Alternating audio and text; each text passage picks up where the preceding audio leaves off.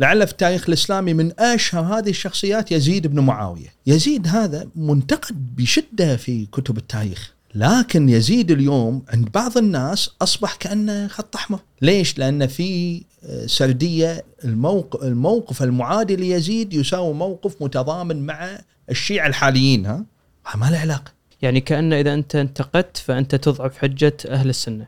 بالضبط كذي يعني صار عند قناعة البعض. وهذا شيء يعني معذرة كلام فاضي يعني. ما له علاقة. نرجع نقول حجج الشيعة وحجج السنة في معتقداتهم الشرعية مبنية على آرائهم وتصوراتهم للنصوص الشرعية. اللي يجيب يصور دينه بناء على حدث تاريخي عنده مشكلة. ليش؟ لأن عنده مشكلة لأن عنده مشكلة في عملية الاستدلال محمد. هذه بعد موضوع ثاني يعني وشائك. يعني إحنا اليوم حتى نستدل على صحة رواية تاريخية من عدمها زين ما عندنا أداة تقول لنا هذا الصح الصح ال- أو أو على قولتهم هذا الموقف هو الحق المبين. هذا اللي صار 100%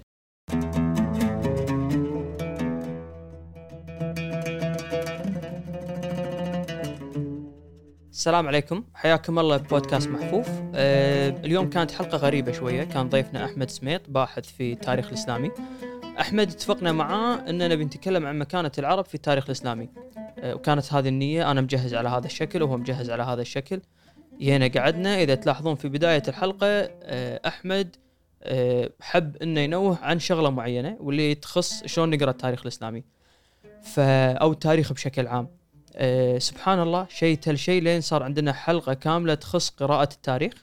أه وهذا كان من باب الصدفة لأن حتى إحنا في هذا البودكاست أه عندنا هذا الشيء يشغلنا بصراحة بأن إحنا شلون نقرأ التاريخ؟ إحنا نكون حذرين إن ما نبسطه بدرجة كبيرة ان ما نسقط أشياء أه في غير مكانها أه اللي تناسب الجمهور. فأحمد كان عنده هذا ال- كان عنده رأي قوي بصراحة في هذا الموضوع وخصوصا شلون قاعد ينتشر آه، في ال social media وفي الإعلام الحديث. فتطور الموضوع ما بيننا ولين أصبح حلقة كاملة. اضطرينا أن ننقل موضوعنا إلى حلقة قادمة إن شاء الله راح تشوفونها في الأسابيع الجاية. فنتمنى تستمتعون بهذه الحلقة. شيء مساك الله بالخير ويحيى. بالخيرات يعني. مشكور على وقتك على عيتك. قبل لا نبلش آه، تونا قاعد نسولف إن موضوع التاريخ صار موضوع آه، محبوب بالبودكاستات. آه، متناول بشكل كبير الناس حابة تسمعه والكثير من الناس عندهم الاستعداد ان يتكلمون فيه نعم. آه، أنت كان عندك وجهة نظر آه، إيش رأيك نبلش فيها؟ إي بالعكس أول شيء أرحب فيك وارحب بالإخوان وأنا سعيد اليوم إني أكون ضيف معاك أخوي محمد وهذه فرصة على قولتهم إن إحنا آه، نعطي لمحة خلينا نقول على المطلوب اليوم في آه، فهمنا للتاريخ في مسألة فهمنا للتاريخ. أنا ودي أقول قصة بسيطة كذي يعني إحنا يمكن في سنة 2014 جمعوا مجموعة من خريجين جامعة الكويت قسم التاريخ و... وقررنا آه، بهذا التجمع إن إحنا ننشئ مثل ما يقولون آه، نواة هي اليوم بفضل الله عز وجل عبارة عن مركز وهو مركز مؤرخ يقوم بسلسلة من الفعاليات ال- عنده منشورات وعنده مطبوعات وعنده فعاليات كلها تستهدف هي تحقيق بعض القيم التاريخية إن صحت المسألة. آه، بعيدا عن التعقيد إحنا لما جينا شفنا ان مثل ما يقولون كان حزتها نتكلم 2014 كانت آه، فوره السوشيال ميديا آه، واصلة يعني مستوى لا بأس فيه واعتقد اليوم يعني ما شاء الله بدأت تتضاعف يعني ولعل هذا عصرها يعني يعني كما هو متفق على عند الجميع. لكن اكتشفنا إن مثل ما نقول إن إحنا في شيء كنا متعلمينه في الجامعة أو يعني آه، تخلقنا فيه يعني طبعنا فيه من آه، سماع أساتذتنا الدكاترة اللي كنا نحتك فيهم المواد اللي كنا نقرأها اللي هي مكتوبة بطريقة علمية وأكاديمية البحوث العلمية اللي كنا كانت تمر علينا إن في بعض المشكلات لابد من لفت الانتباه لها. هذه المشكلات هي عبارة عن خلينا نسميها آه، آه، هي العصب الإشكال اليوم الموجود في ال social media. التبسيط أو التسطيح الإسقاط والتكرار والتحيز والتأويل مم. هذه خمس مشكلات بدأت تاثر بشكل كبير على طرح القضية التاريخية في في ال social media. طبعا إحنا قبل ال social media كان هذا الشيء موجود. يعني مع الاحترام والتقدير لكثير من اللي عندهم السلاسل السمعية ولا كانوا يقولون محاضرات في التاريخ الجماهيرية كان يقعون في هذه المشاكل. لكن آه، في السابق مثل ما تقول آه، كان الموضوع محدود. يعني مثلا هذا جمهوره منه يعني مثلا أهل الديره ولا أهل المنطقة هذه آه، ولا مثلا أهل الجهرة مهتمين يسمعون حق أبو فلان اللي هو مهتم بالموضوع الفلاني. زين وأهل المنطقة الفلانية بهذه الصورة المحدودة يعني. لما يا الإنترنت صار إنه okay في نوع من التوسع بس لا زالت المسألة محدودة. لما صار ال social media بدأت تصير أشبه بمشكلة لأن بدأت تكون حالة من الاستقطاب في السوشيال ميديا. بدأ يصير عندنا مسألة الجمهور هذه نظرية الجمهور.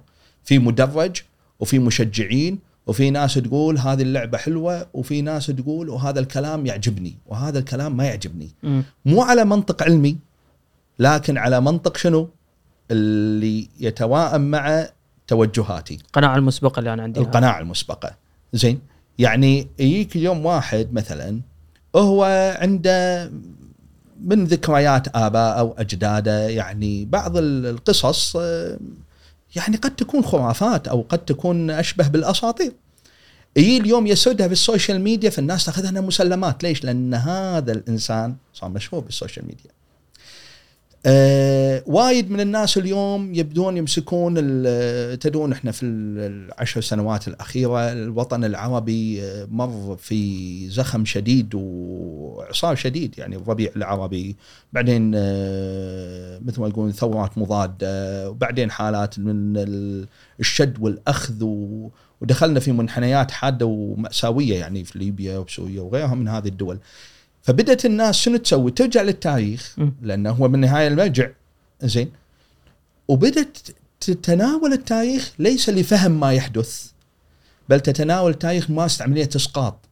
حتى يفسرون ما يحدث بناء على معطيات تاريخية سابقة وقعت في عصر سابق. يحضرك مثال بس عشان أفهم. يعني على سبيل المثال الكثير بدأ يتكلم عن لما بدأت تتهاوى الأنظمة القمعية وايد بدأوا يتكلمون عن مقارنتها مع مثلا الحقبة الأموية. ولما بدأ يصير في حراك في بعض الدول بدأوا يقولون ها شوفوا هذه العلامات اكتملت.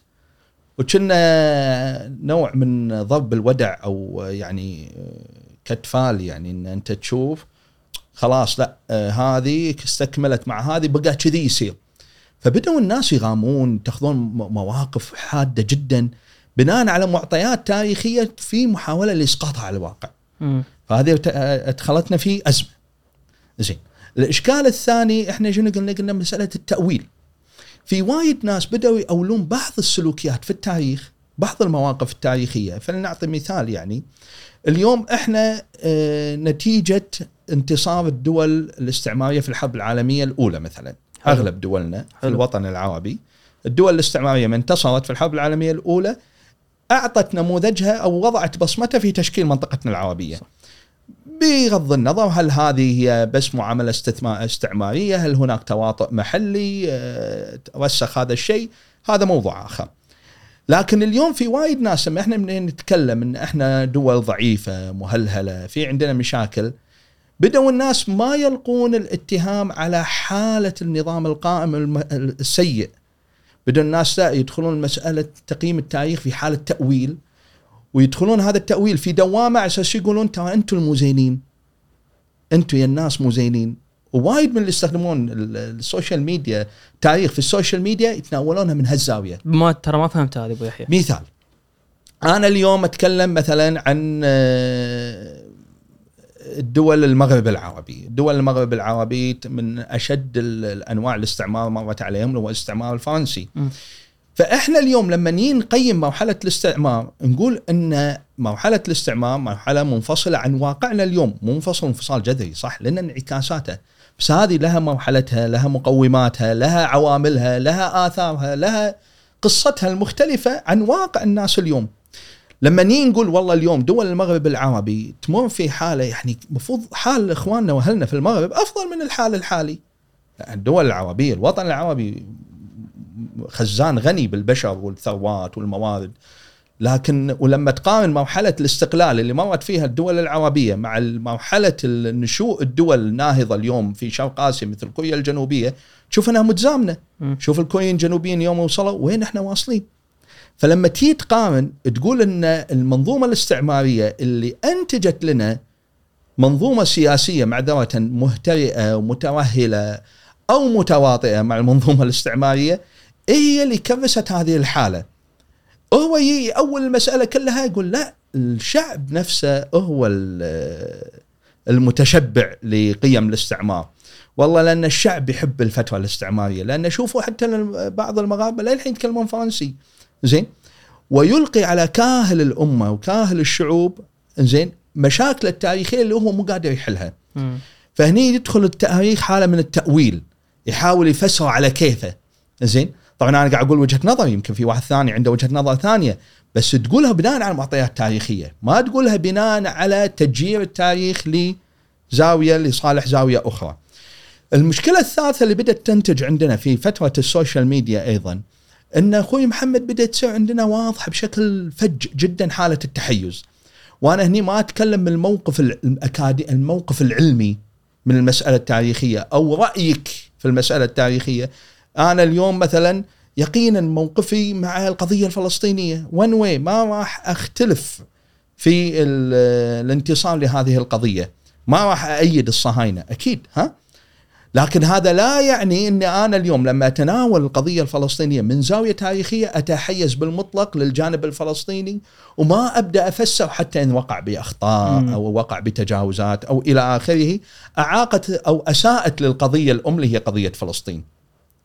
وهذا الشيء صار عندنا اليوم، اليوم إحنا عندنا هني في الكويت في ناس يت وعاملت الموضوع التاريخي لوت عنق لين كسرت عنق التاريخ وأدخلوا مثلا الجانب العنصري القبلية أو إن إحنا الحضر وأنتم البدو، إحنا السنة وأنتم الشيعة وغيرها من هذه المسائل وتم التعامل معها بقسوة شديدة وادخلوا المجتمع في مشاكلهم من منطلق شنو؟ تاريخي، طبعا التحيز التاريخي هذا لا أصل في ال- عندنا إحنا في المجتمعات العربية الإسلامية، إحنا عندنا اليوم خلافات جذرية بين المسلمين مبنية على خلافات تاريخية. مم.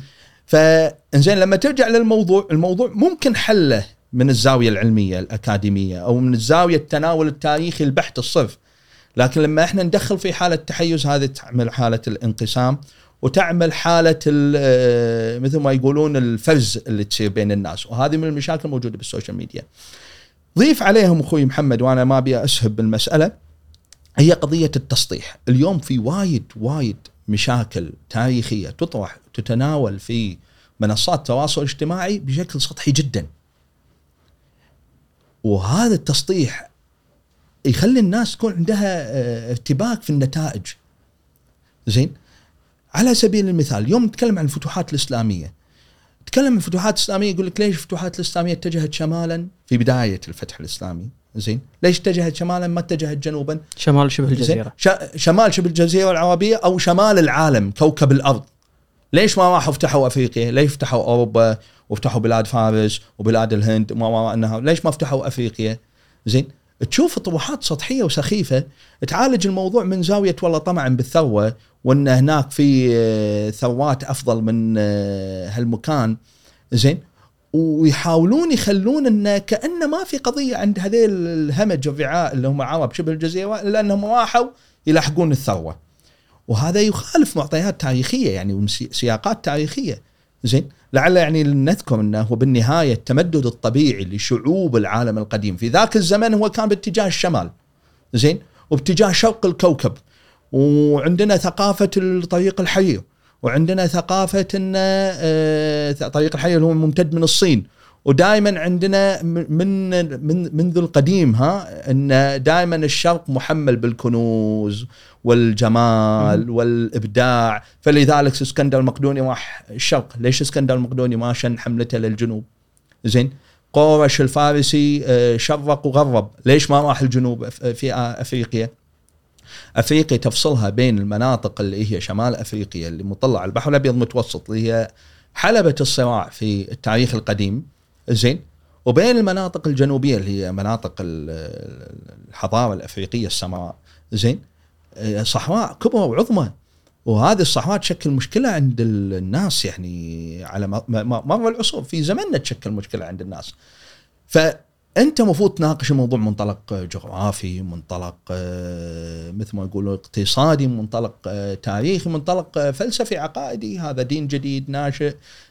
قاعد يحاول إنه يتوسع في أراضي آه، هو لا امتداد طبيعي فيها تحديدا العرب إحنا نتكلم لها امتداد في منطقة الشمال ومنطقة شبه الجزيرة الفراتية والهلال الخصيب اللي هو العراق والشام وإلى آخره. هذه المشكلات أخوي محمد دفعتنا إحنا ومجموعة من الزملاء في قضية بس تسمح لي أبو يحيى بس أنا أي. عشان آخر نقطة موضوع التبسيط ما تحس هني آه على قولتهم الجمهور عاوز كذا يعني تبي تبسطها. يعني أنا قاعد أبسط حتى ال- ال- ال- ال- الطريقة اللي قاعد أقول لك إياها فيها. إي. ال- الناس تبي تبي الموضوع بشكل يعني يعني أنا لأن يصير ساعات حمل علي حتى بال لما نتناقش في شيء تاريخي أخشى بأن إحنا قاعد نبسطه تبسيط جدا كبير بحيث يكون مهضوم للمشاهد بس قاعد نظلم المادة التاريخية. نعم. بس ممكن الناس إذا ما أعطيتها إياها بهالبساطة هذه لأن أنت إحنا نحب واحد زائد واحد يساوي اثنين لا تعقد لي الموضوع بهذه الحالة أخوي محمد أنت تحولت من آه، على قولتهم الرمز التاريخي إلى القصاص.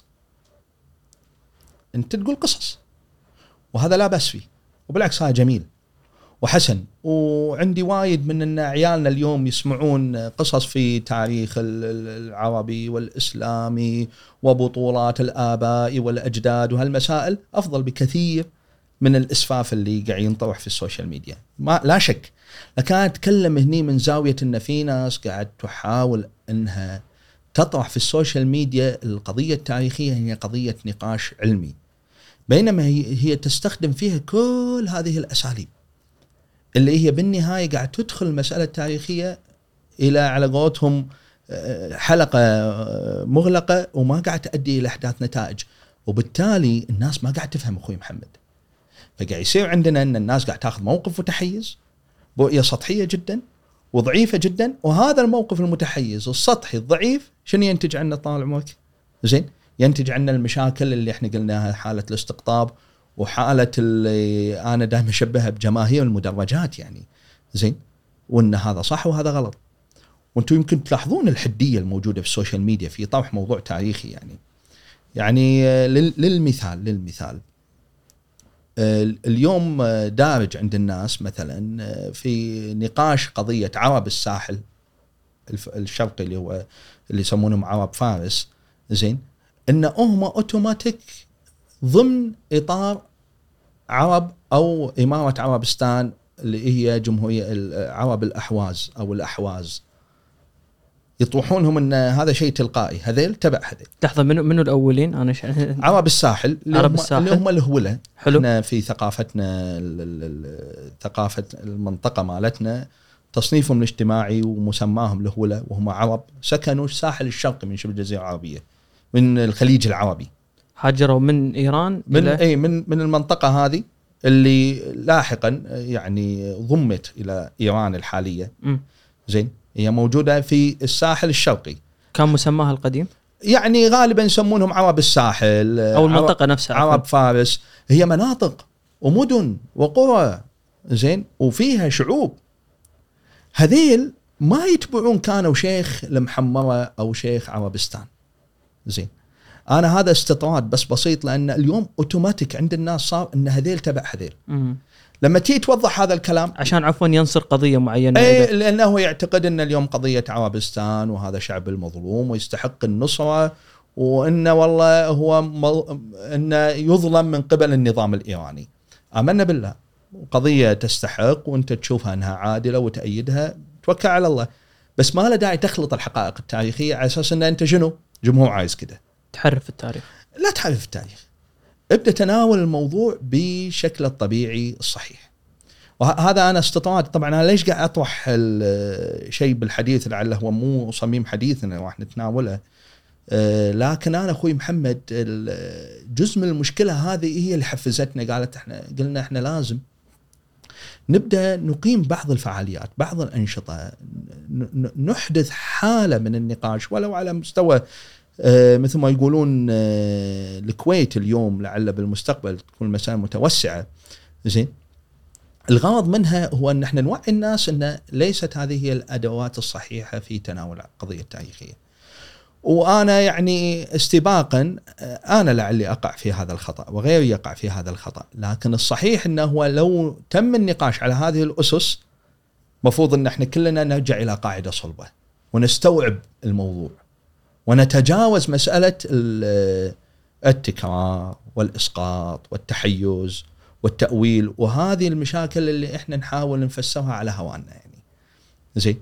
يعني أنا لعلي آه، أختم بمثال. اليوم إحنا دائما آه، يمكن تعرضت إن اليوم إحدى أكبر مشاكل العالم الإسلامي وهي قد تكون مدخل حق قضيتنا هي قضية تاريخية والخلاف بين الصحابة الكرام رضي الله عنهم. زين؟ وما ترتب عليه من حروب ومعارك وصراع.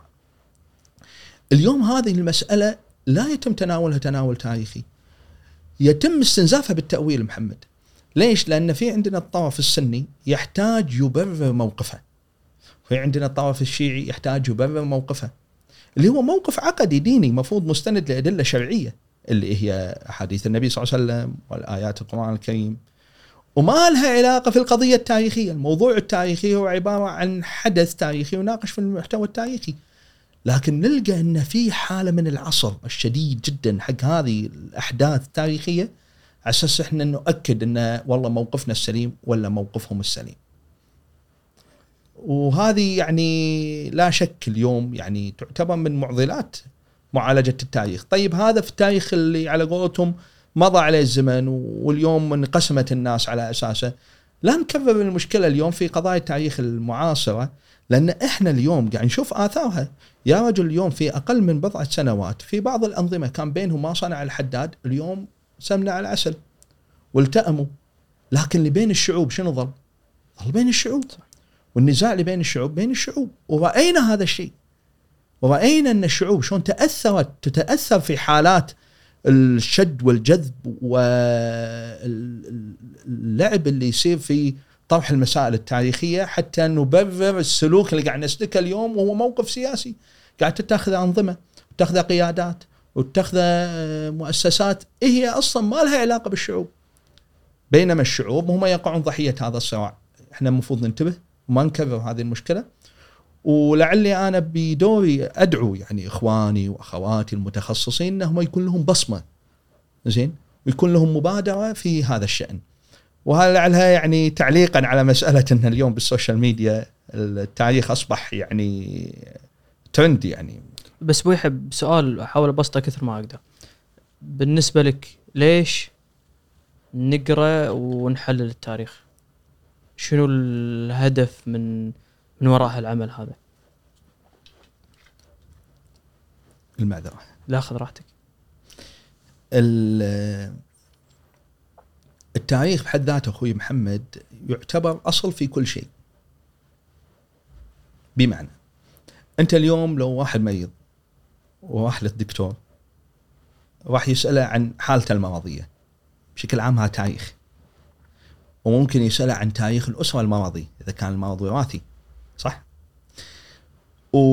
ولما يشخص له المرض زين بعض الدكاترة يعطيك حالة المرض متى بدت وشلون صارت وإن إحنا اليوم هذا هو التشخيص الموجود جايز يتطور لأن أنت حالتك وفق التشخيص الحالي ما في تغيير راح يصير عليها بس جايز يتطور الطب ويصير في تغير. زين هذا التغير يؤثر في عملية علاجك. إحنا اليوم أخوي محمد وايد من قضايانا مبنية على تصورنا عن التاريخ عن سرديتنا مات التاريخ طريقة سردنا للتاريخ. وايد إحنا بعوايلنا وأسرنا وجماعتنا زين؟ دائما في القصة التاريخية مالت الأسطورة اللي هو الجد الجامع والشيخ مال القبيلة صح؟ وهذا الإنسان لا يشق له غبار. أو هذا الإنسان السفار مشهود على كرمه وطيبته. الكريم المنعم المتفضل على الناس. صح ولا لا؟ صح. زين هاي آه منتشره كثير عندنا. بل إن ما في في ثقافتنا المجتمعية ما في أسرة ما عندها هالثقافة. يعني من المستحيلات تلقى ما في عائلة ما عندهم هذا التصور. بشكل من الأشكال يصعد يقل عاد على قولتهم على أحوال الناس يعني. لكن بالنهاية أن الناس التاريخ هي قضية مرتبطة بارتباط الناس. دائما دائما وجود الناس يؤثر أو يؤدي إلى وجود التاريخ لانهم اللي يسوونه. الناس هم اللي يعملون التاريخ يصنعون التاريخ.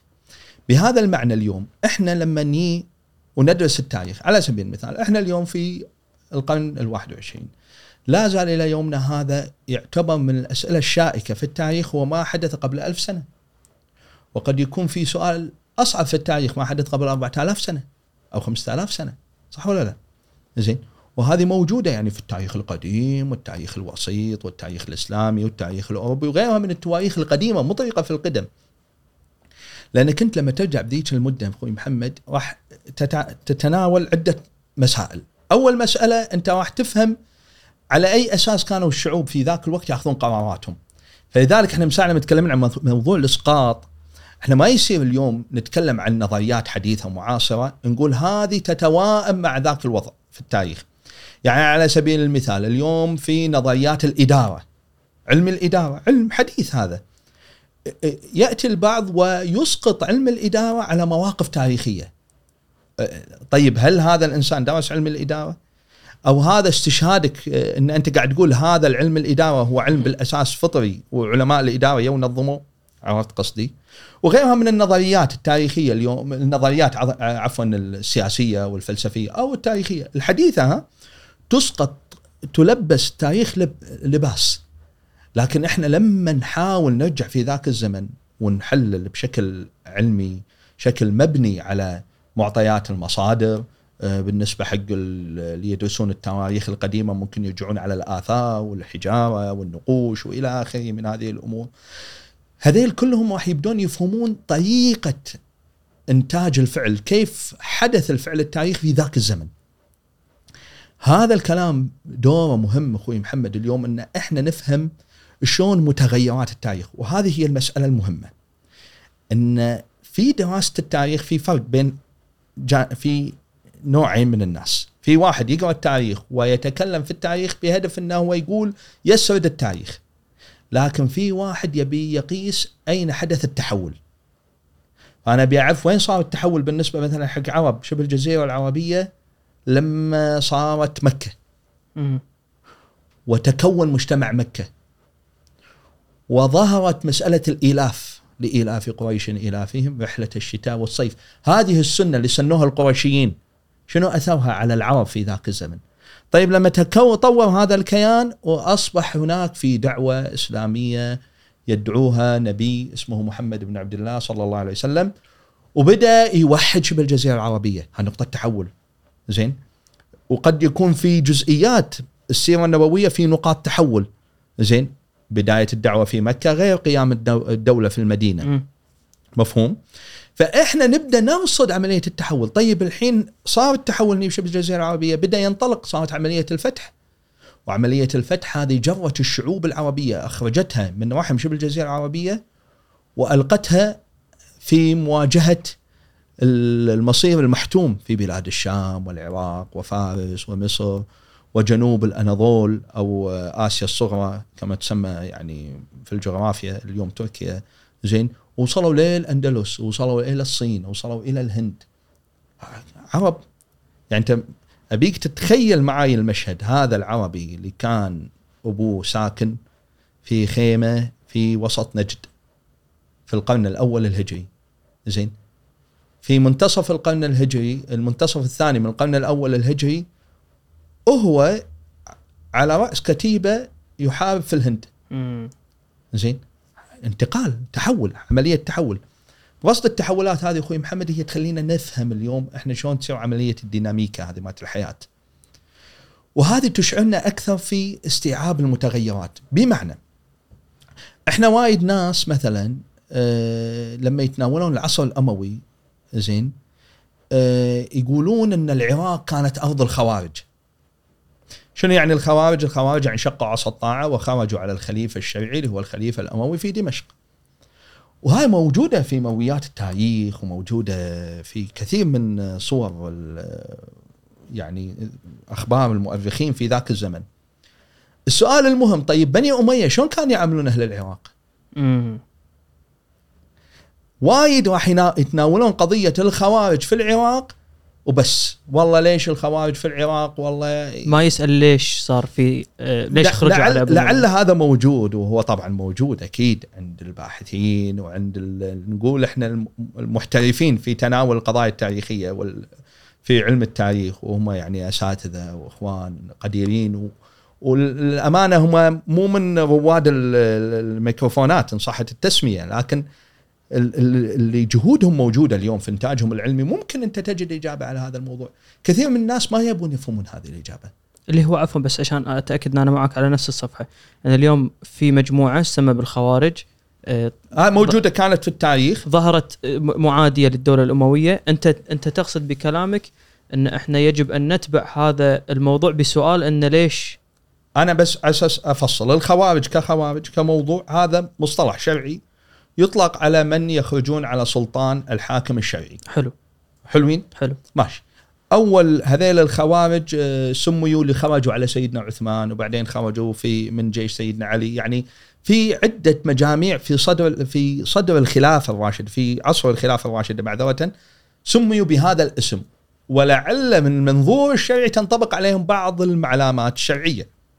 إن تنطبق عليهم المسألة الشرعية. بس لما نيجي في العصر الاموي عفوا إيش تقصد مسألة شرعية؟ إن يعني مسمى الخوارج يعني ينطبق عليهم؟ علماء الشريعة لو يو طبقوا أحكام الخروج على الحاكم ممكن تنطبق عليهم هذيل ويعتبرون هم خوارج. تنطبق عليهم الأحكام الشرعية اللي تنهى عن هذا الفعل وتجرمه وتعتبره كبيره من. الكبائر. متفقين عليه. فاهم. وصلنا؟ حلو. حلوين. لما ندخل الحين في العصر الأموي العصر الأموي العراق اشتعلت. بدأت تصير فيها كثير من المشاكل. فكثير من هذه المشاكل في العراق في منظور بعض المؤرخين طبعا في ذاك الزمن وفي بعض من يتكلم في هذا العصر عن عصر الدولة الأموية يقول والله العراق كانت أفضل خوارج. هذا كلام غير دقيق. العراق كانت هي المنطقة المخاصمة عندها خصومة سياسية مع بني أمية. القبائل الموجودة في العراق هي قبائل غير داعمة للحكم الأموي في بلاد الشام. فكل ما كان في الامر هو الأمويين. طبعا أنا ما أتكلم عن الإطلاق بس اتكلم في بعض هذه الحالات. الآخرين يتكلمون على الإطلاق إن العراق كان مستنقع للخوارج لكن حقيقة الحال لا. العراق كان مستنقع للمظلومين والمقهورين وفي ناس كانوا فعلا يعانون من ظلم ونير هذه الدولة. مم. زين؟ أنا مو بصدد إني أهاجم الدولة بس الأموية. لا أقصد لغرض لكن المثل أنا بس أبي أفهم. إن إحنا اليوم لما نقرأ في القراءة نرجع للتسطيح ها أخوي محمد. لما نقرأ بشكل سطحي أوكي هذيل خالفوا آه، الخليفة في بلاد الشام وحاربوا يساوي خوارج. مم.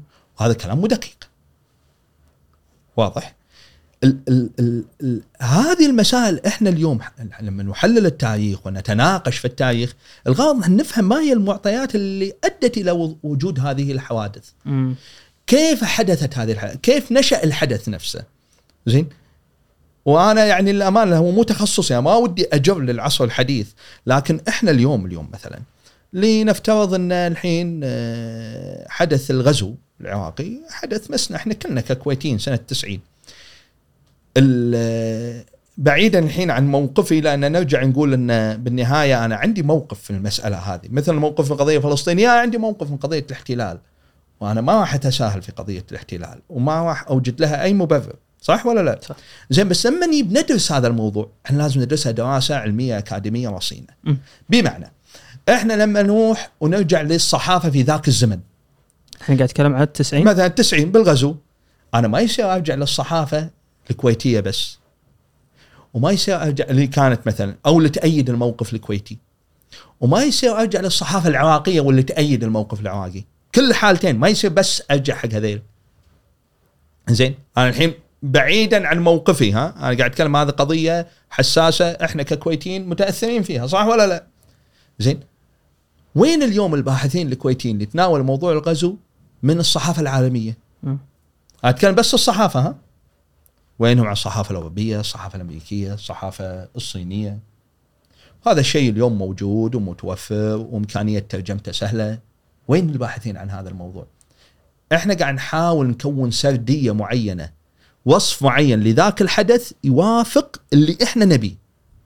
طبعا هذا لا يعني إن أنا أنكر الحقائق محمد عشان اكون دقيق لكن أنا أبي أوصل حق جزئية إن هذا الموضوع يساوي بشكل ما إن في بعض الأمور نحتاج نفهمها. هل التصور اللي عندنا اليوم إحنا ككويتيين مواطنين كويتيين على اللي صار في سنة 90 وهو بس هذا ولا في شيء صار؟ في تفاصيل صارت. طيب هذا جزء. جزء ثاني اليوم في سنة 91 مثلا بعد التحرير زين الوثائق السرية مالت الدول العظمى اللي شاركت بعمليه التحرير زين أغلبها كانت محجوبة اليوم هذه الأرشيفات السرية الدول هذه لأنها دول عندها أنظمة وأنظمة شفافية وفي إفصاح عن المعلومات هذه المعلومات اليوم صارت متناول بعض هذه المعلومات ما أدري إذا كل هذه الأرشيف متاحة لكن صارت في المتناول اليوم أخوي محمد منو مسك هذه الأرشيفات وبدأ يتحقق من السردية التاريخية على الأقل اللي قاعد تقولها مثلا حكومتنا. ما أبي أقول رواية الناس لقصة الغزو رواية أبوك الله يحفظه أبوي الله يرحمه مثلا غيرهم من أهلنا اللي كانوا أحياء واعين ومتفاعلين مع حدث الغزو كل واحد له قصته. زين لكن في قصة عامة تقولها حكومتنا مثلا حكومة دولة الكويت تعالي حكومة دولة الكويت خلينا نحاول ندرس روايتك هل هذه الروايه هل هذا هو فعلا ما حدث؟ أتصور اليوم هذا الموضوع وايد يعجزون عن عمله. بس إذا كان أنا عندي ارتباط عاطفي شنو الفائده إن أنا لما أتخلى عن هذا السرد اللي أيد قضيتي 100% شنو اللي أوصل لا بالنهايه خصوصا أنا أبي أركز على موضوع ارتباط عاطفي يعني أنا جميل. موضوع الغزو إحنا مرتبطين جميل جميل وهم موضوع فلسطين. آه الارتباط العاطفي شيء والحقيقة شيء. بمعنى قد أنت ترتبط أنا ما أنا طبعا أنا بقول لك إن أنت مرتبط عاطفيا إحنا مرتبطين عاطفيا في قضية الغزو مثلا وقضية فلسطين على سبيل المثال لأن إحنا مؤمنين هذه قضايا عادلة م.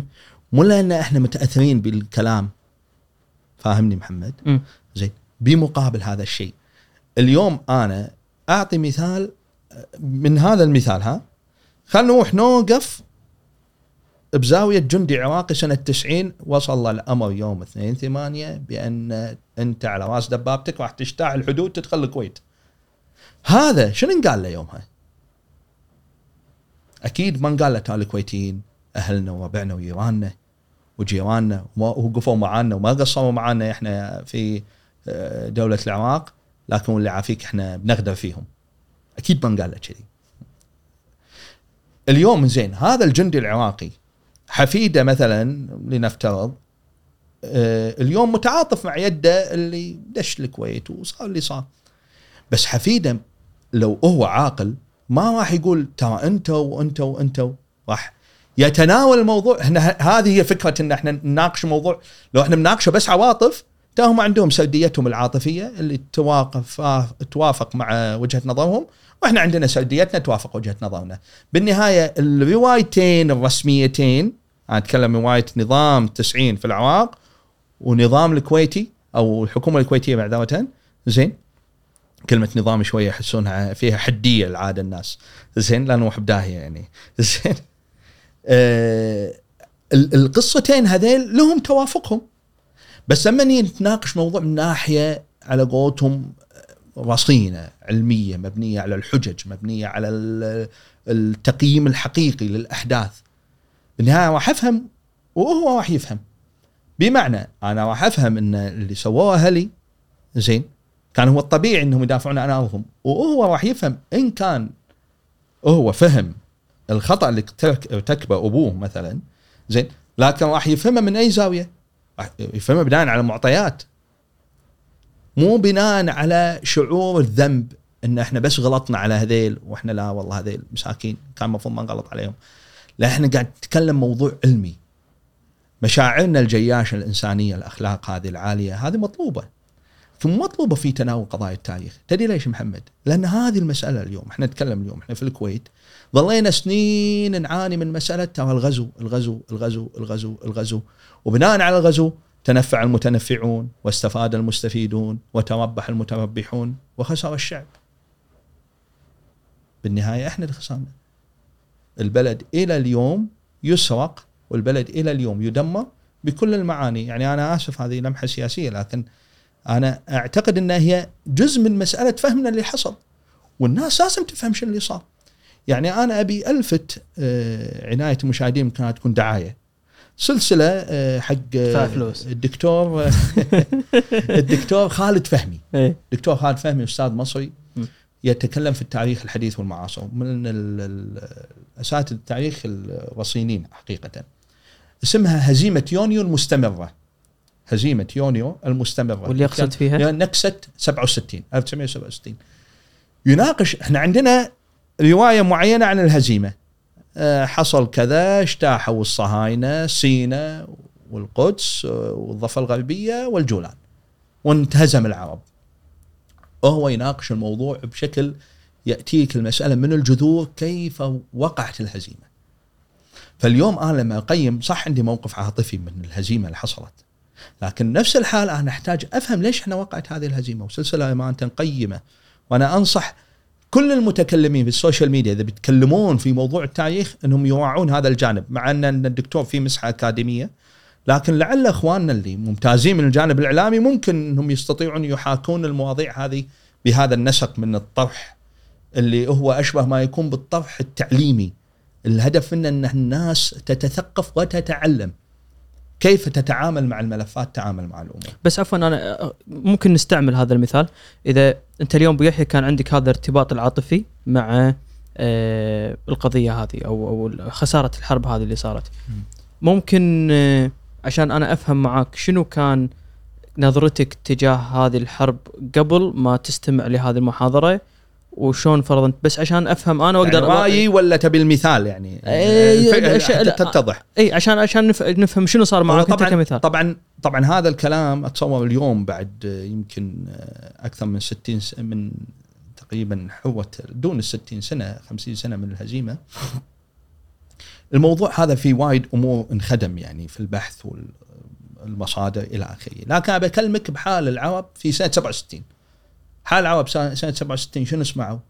سمعوا إن الزعيم الخالد جمال عبد الناصر طلع وتكلم وقال إن إن ال- القوى الدولية هدونا قالوا لنا اهدوا وما راح يصير في أي اشتباك والعدو الصهيوني يعني أشبه ما يكون غدر فينا هذه قالها في مرة وفي مرة ثانية قال إن الطائرات اللي قصفت مصر في بداية المعركة وهي معروفة مصر هزمت من الساعات الأولى بعد ما دمر سلاح الجو كامل. وله قصة كاملة يعني للمهتمين بالتاريخ الحديث يعني ممكن آه، يكونون أفضل مني يعني. آه، في من المقولات اللي قالها قال إن الطيران جاء من الغرب. إشارة إن الطيران ما طلع من الأراضي المحتلة في فلسطين. يعني مو الصهاينة. ترى هذا حلفائهم الغربيين الأمريكان وغيرهم وهم اللي يو وبلشوا يقصفوا فينا. هذا الناس كانت تشوفه في سنة 67 في سنة 67 اليوم أنت لما تصير عندك ال- ال- المعطيات كاملة أنت تفهم إحنا بكل ما فقدناه من أحباب من إخوان. بالمناسبة في كويتيين استشهدوا 67 يعني. زين؟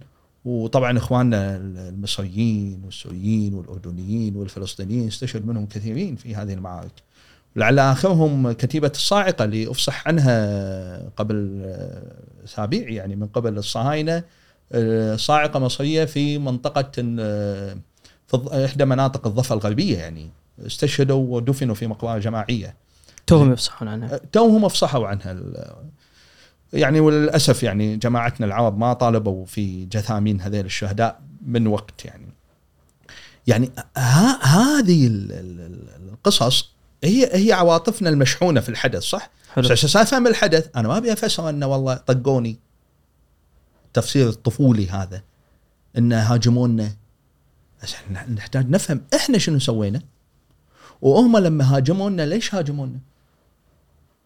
وشلون هاجمونا؟ وعلى أي أساس؟ وتتكامل الصورة.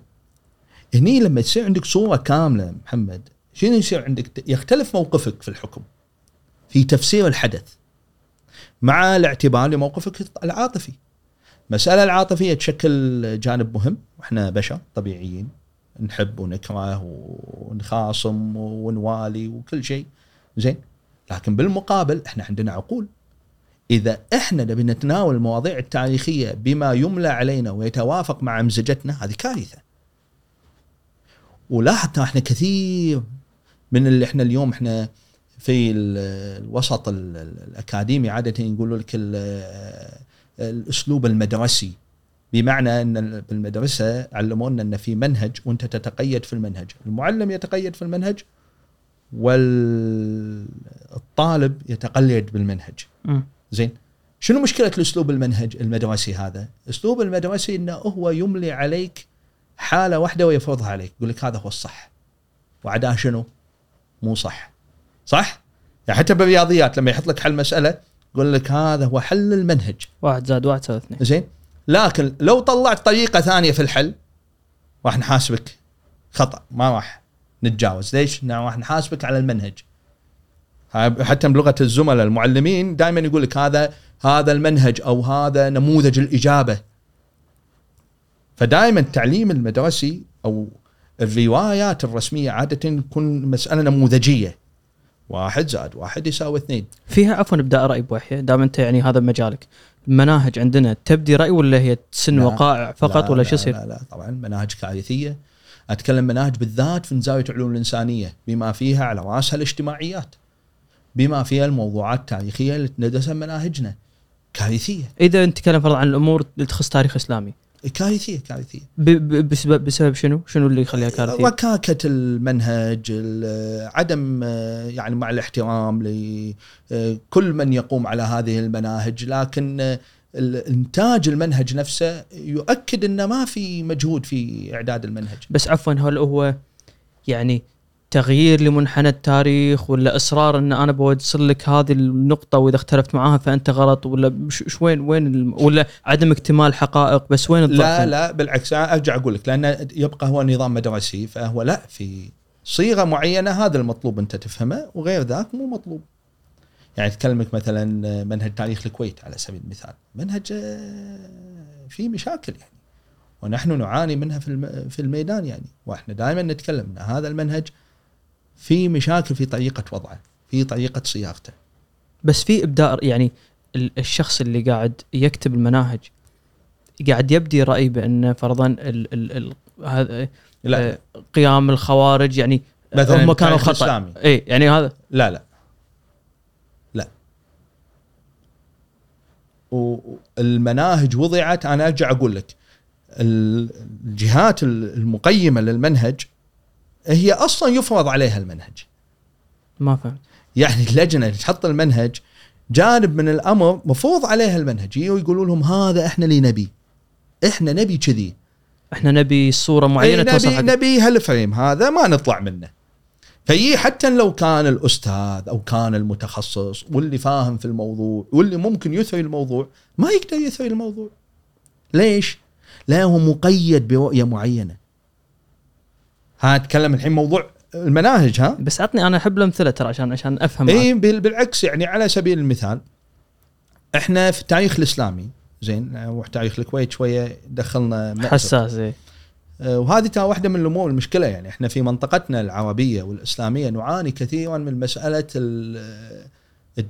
دراسة الحساسيه مو الحساسية مرات تدخلك في جوانب قانونية.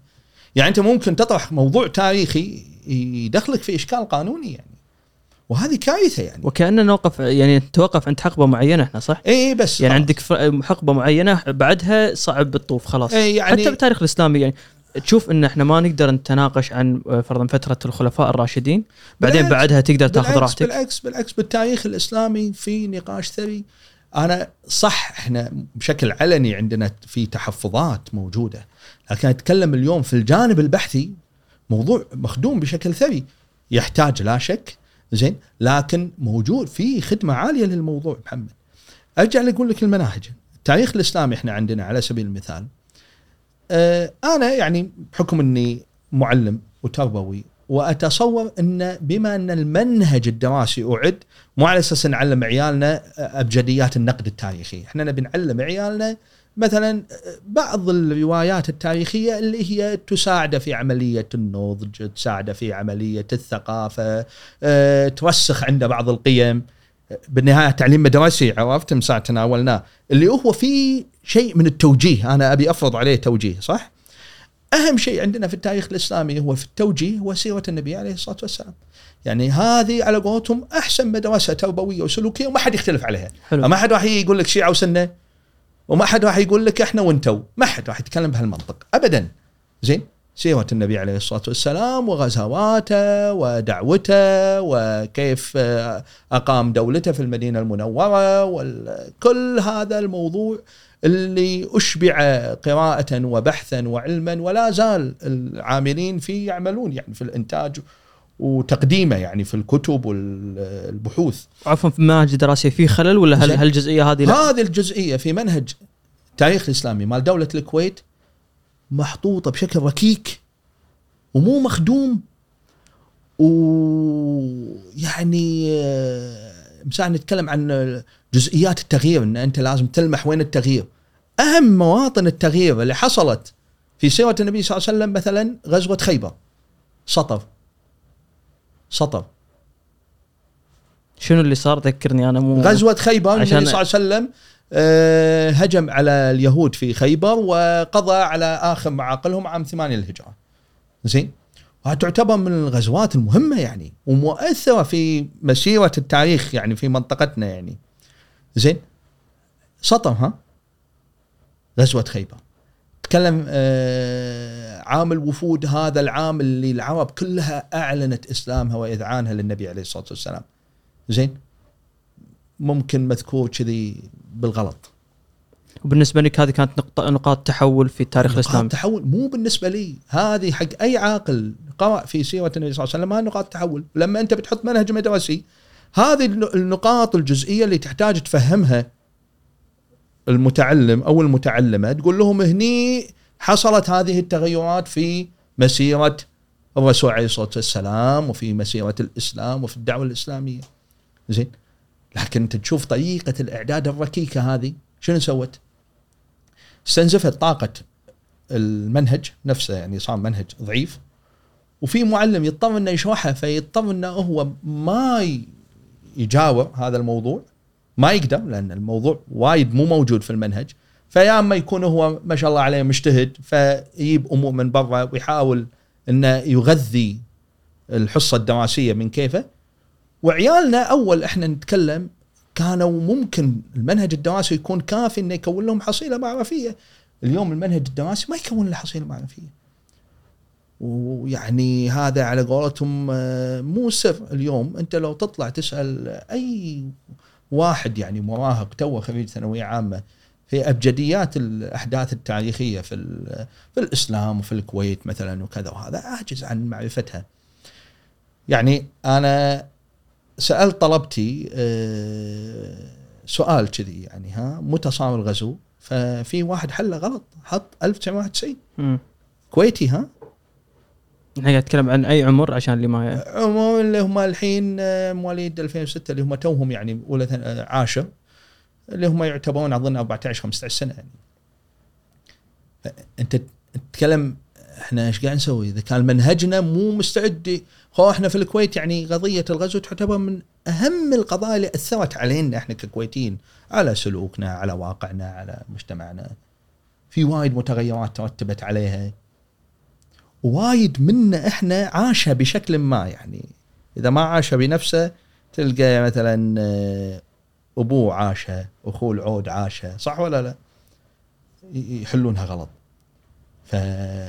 فنرجع على موضوعنا أستاذ محمد ال- إن أنت تمسك مواضيع التاريخ لأحداث حالة من التوجيه وتقول هذا اللي ياك وبس هذه أنت ما تصنع فيها آه، ثقافة آه، عامة ولا توعي فيها الناس ولا تنصف التاريخ ولا ولا تفهم الناس ماذا حدث وما تنصف أهل التاريخ لأن إحنا اليوم شنو مشكلتنا؟ اليوم مشكلتنا إن إحنا وايد نمسك هذه القضايا ونلوتها زين بهذا المعنى على أساس نقول الكلام اللي يناسبنا اللي يناسب رغباتنا اللي يناسب جمهورنا اللي ب retweet وايد اللي ب like وايد اللي بتعليقات إيجابية وايد زين أنا أو طبعا وعلى الوجه المناقض مرات ينقال الكلام اللي يجيب مثل ما يقولون آه، جدل. وايد.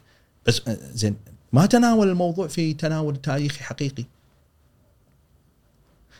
هذا الإشكال هذا هذا هذا البناء في تعاطي الموضوعات التاريخية لا شك إنه هو يخدم سلبا الموضوع. وإحنا اليوم نتكلم آه، يعني في عز ثورة المعلومات ازداد ال- الجهل عند الناس ما ازدادت المعلومات. يعني أنت متكلم قبل 100 سنة من اليوم. زين إحنا ال- 2022 قبل آه، في 1922 كان إنه في بالمجتمع ناس وايد ما يقون يكتبون صح؟ اليوم في ناس وايد يقون يكتبون لكنهم ما عندهم ربع ثقافة اللي ما كانوا يقون يكتبون. وربع معرفة ما كانوا يقون يكتبون ودرايتهم وحسن تصرفهم صح ولا لا؟ زين.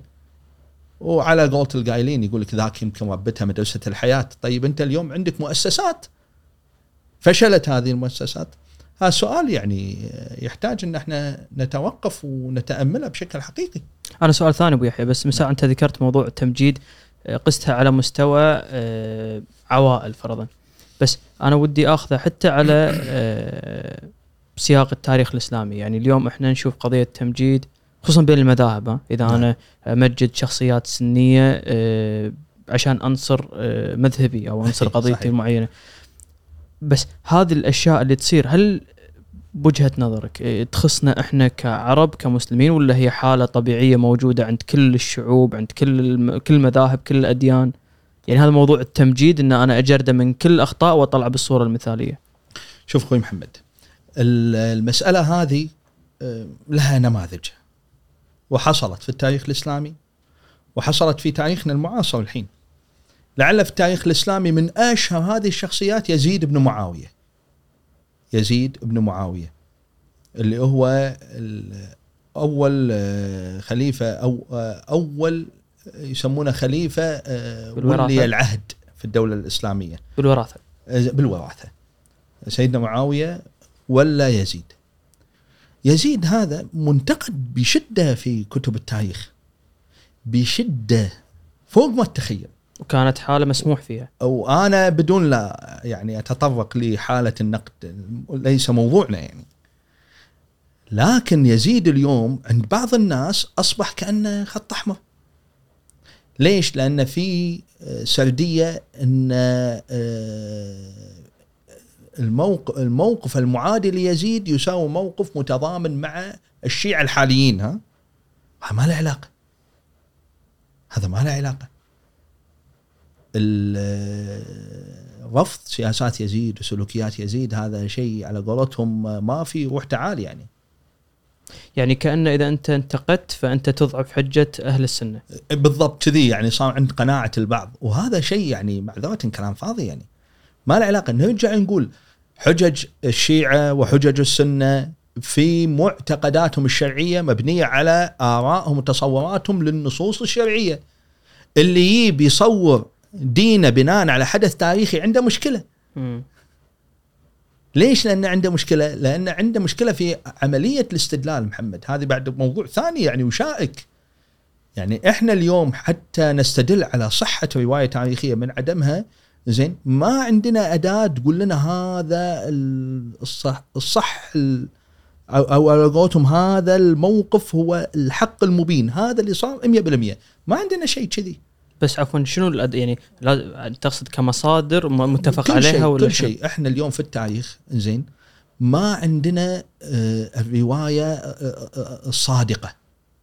حتى في عصرنا الحالي. اليوم يا جماعة الخير في عز عصر التكنولوجيا. أي معلومة تجيك تصدقها 100% بالعكس اليوم صار عندنا قدره أعلى للشك في آه، فوتوشوب وفي ما أدري شنو وفي وايد مشاكل صح ولا لا؟ صح.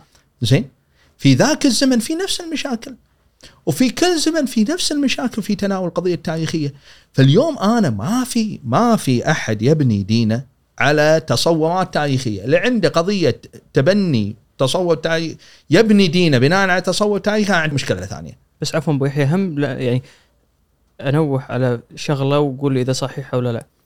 موضوع كتابة التاريخ أساسا ما بتبدا إلا في مرحلة متأخرة بالإسلام صح؟ يعني أعتقد على العصر العباسي. هذا موضوع محمد يعني مو ما يشكل المشكلة الحقيقية. بس عفوا إذا أنت ما عندك شيء مكتوب ي- بالنها- بالنهاية بالنهاية على قولتهم نرجع يعني مثال. إحنا اللي موجود اليوم هو اللي وصل لنا. لكن هل يوجد شيء مكتوب قبله؟ يمكن ما وصل لنا. فهمت الفكرة؟ بس أبي أركز على هالجزئية. وايد ناس اليوم عندهم إشكال شو يقول لك؟ يقول لك لأن كتب متأخر فهو مو صحيح. مين قال؟ قد يكون هذا صحيح. وأخذ من أصل صحيح وهذا الأصل هو اللي اختفى ولا تدمر أو ايا كان. زين. طبعا هذا ما قاعد أقوله في صيغة التبرير يعني. لكن أنا قاعد أقوله في صيغة إن إحنا نفهم إن إحنا اليوم ما يتوفر بين أيدينا من معلومات تاريخية هي رواية متوفرة. زين في شيء محجوب؟ أكيد في شيء محجوب. اليوم كم شاهد على التاريخ؟ الله خذ أمانتهم روح اسال بالمقابر. كل هذين عندهم روايتهم في التاريخ. كلهم كاتبين شهاداتهم عن الأحداث مثلا اللي صارت في الكويت. لو بنفترض إن هذيل ماتوا بالكويت. صح؟ ولعل يكون في عندهم تنوع في الرواية.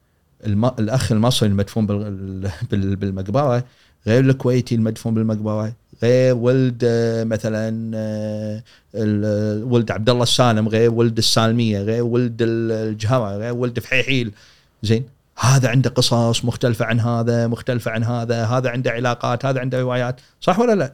ترى هذا هو التاريخ. لو إحنا حشدنا لو لو قدر الله عز وجل لك إنك أنت تستنطق هذيل كلهم وتأخذ قصصهم ما راح يصير عندك روايات مختلفة للتاريخ وأحداث التاريخ يعني قصدك عفوا حتى اليوم قعدتنا بعد خمس سنين أنا راح أقولها بشكل عبد الله راح يقولها بشكل طبيعي طبيعي والناس اللي راح ترجع للتسجيل راح تشوف شكل ثاني صح ولا لا؟ صح. زين العملية لا تخلو من عملية الإعداد والتنظيم والمونتاج صح ولا لا؟ وهذا شغلكم يعني أهل الإعلام والميديا زين.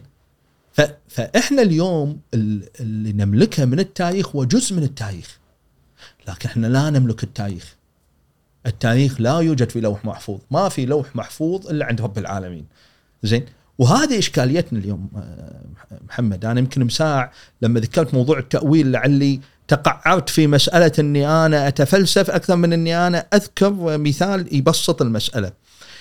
إحنا اليوم في موضوع ال- التاريخ يعني وايد منا مثلا تيلا في حدث تاريخي ويختلف عليه ولنفترض أن هذا الحدث هو سيرة يزيد بن معاوية. زين اليوم يزيد بن معاوية تكال له العشرات من التأويلات. مو تكال عفوا تنقال.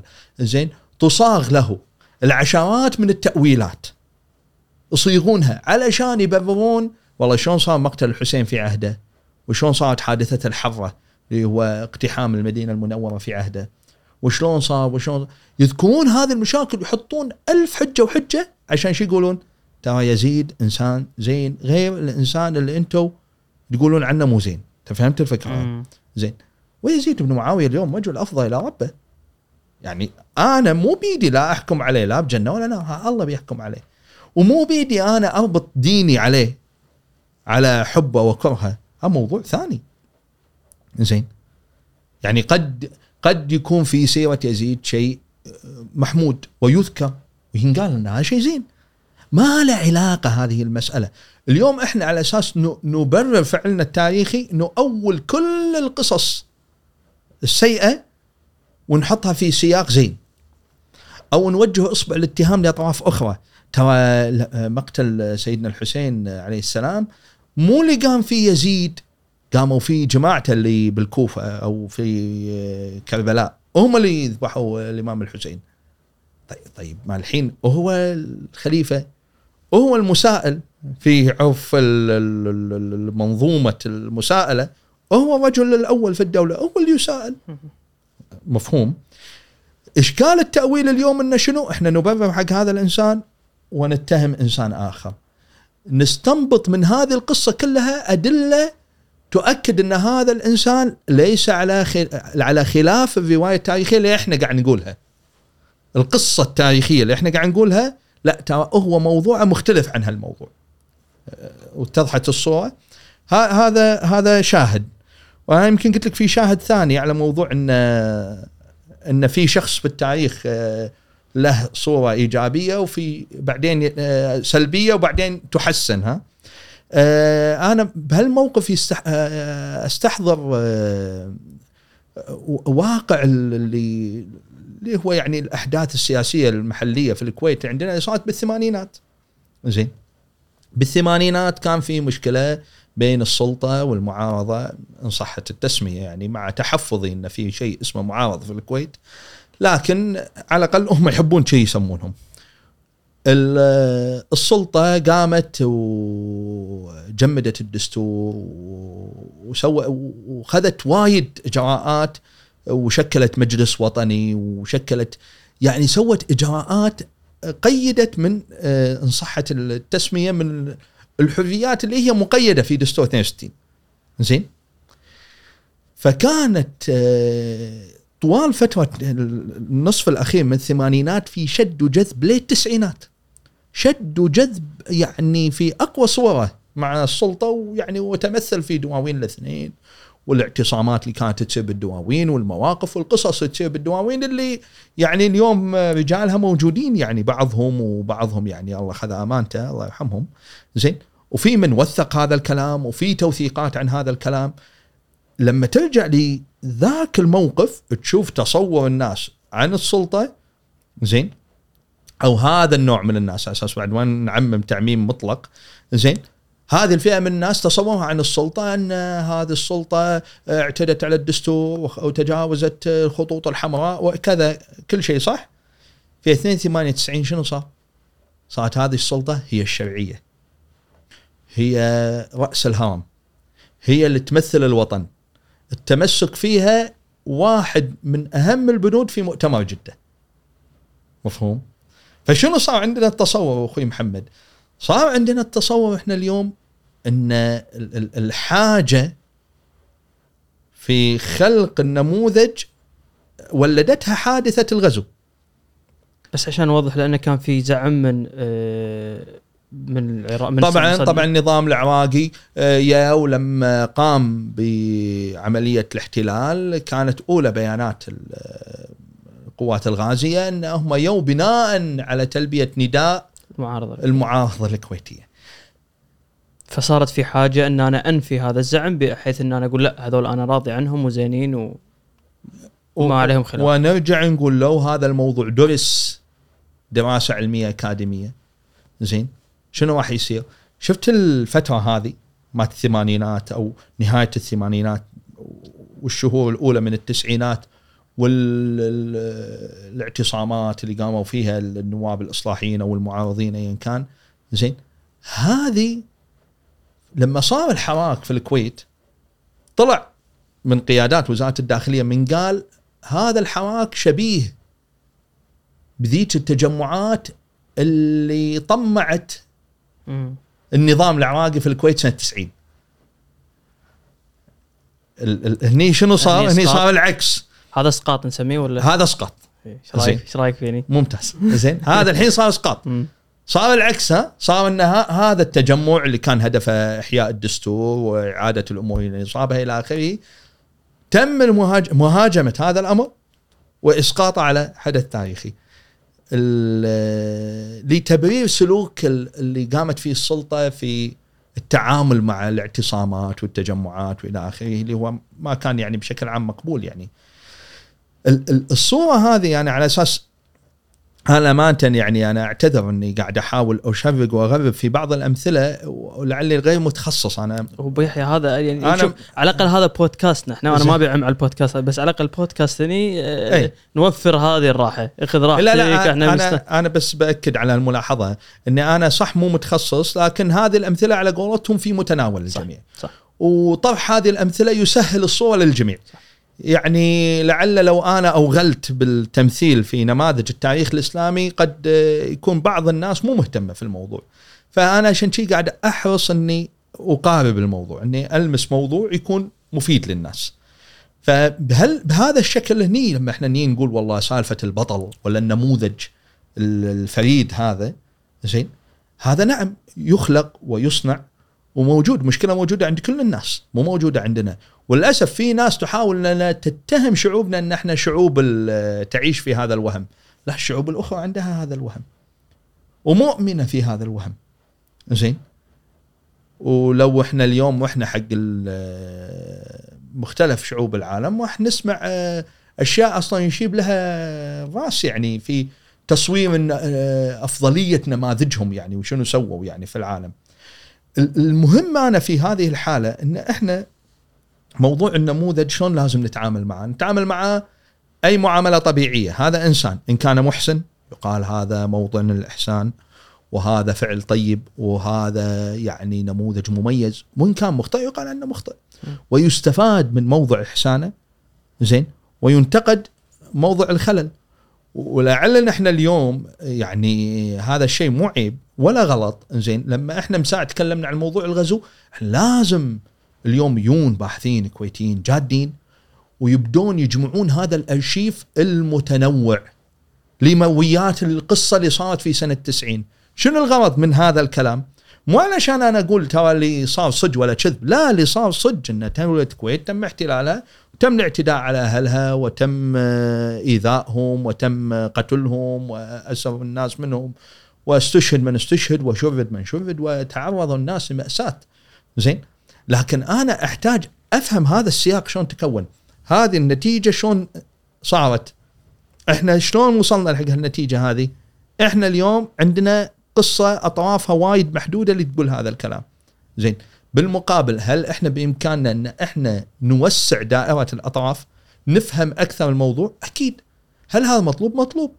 وأرجع أقول لك وهذا مثال مساعد أقول لك إن هذا اللي عندنا من التاريخ اليوم. هذا حدث تو صار 30 سنة. 30 سنة بعمر البشر ولا شيء. زين؟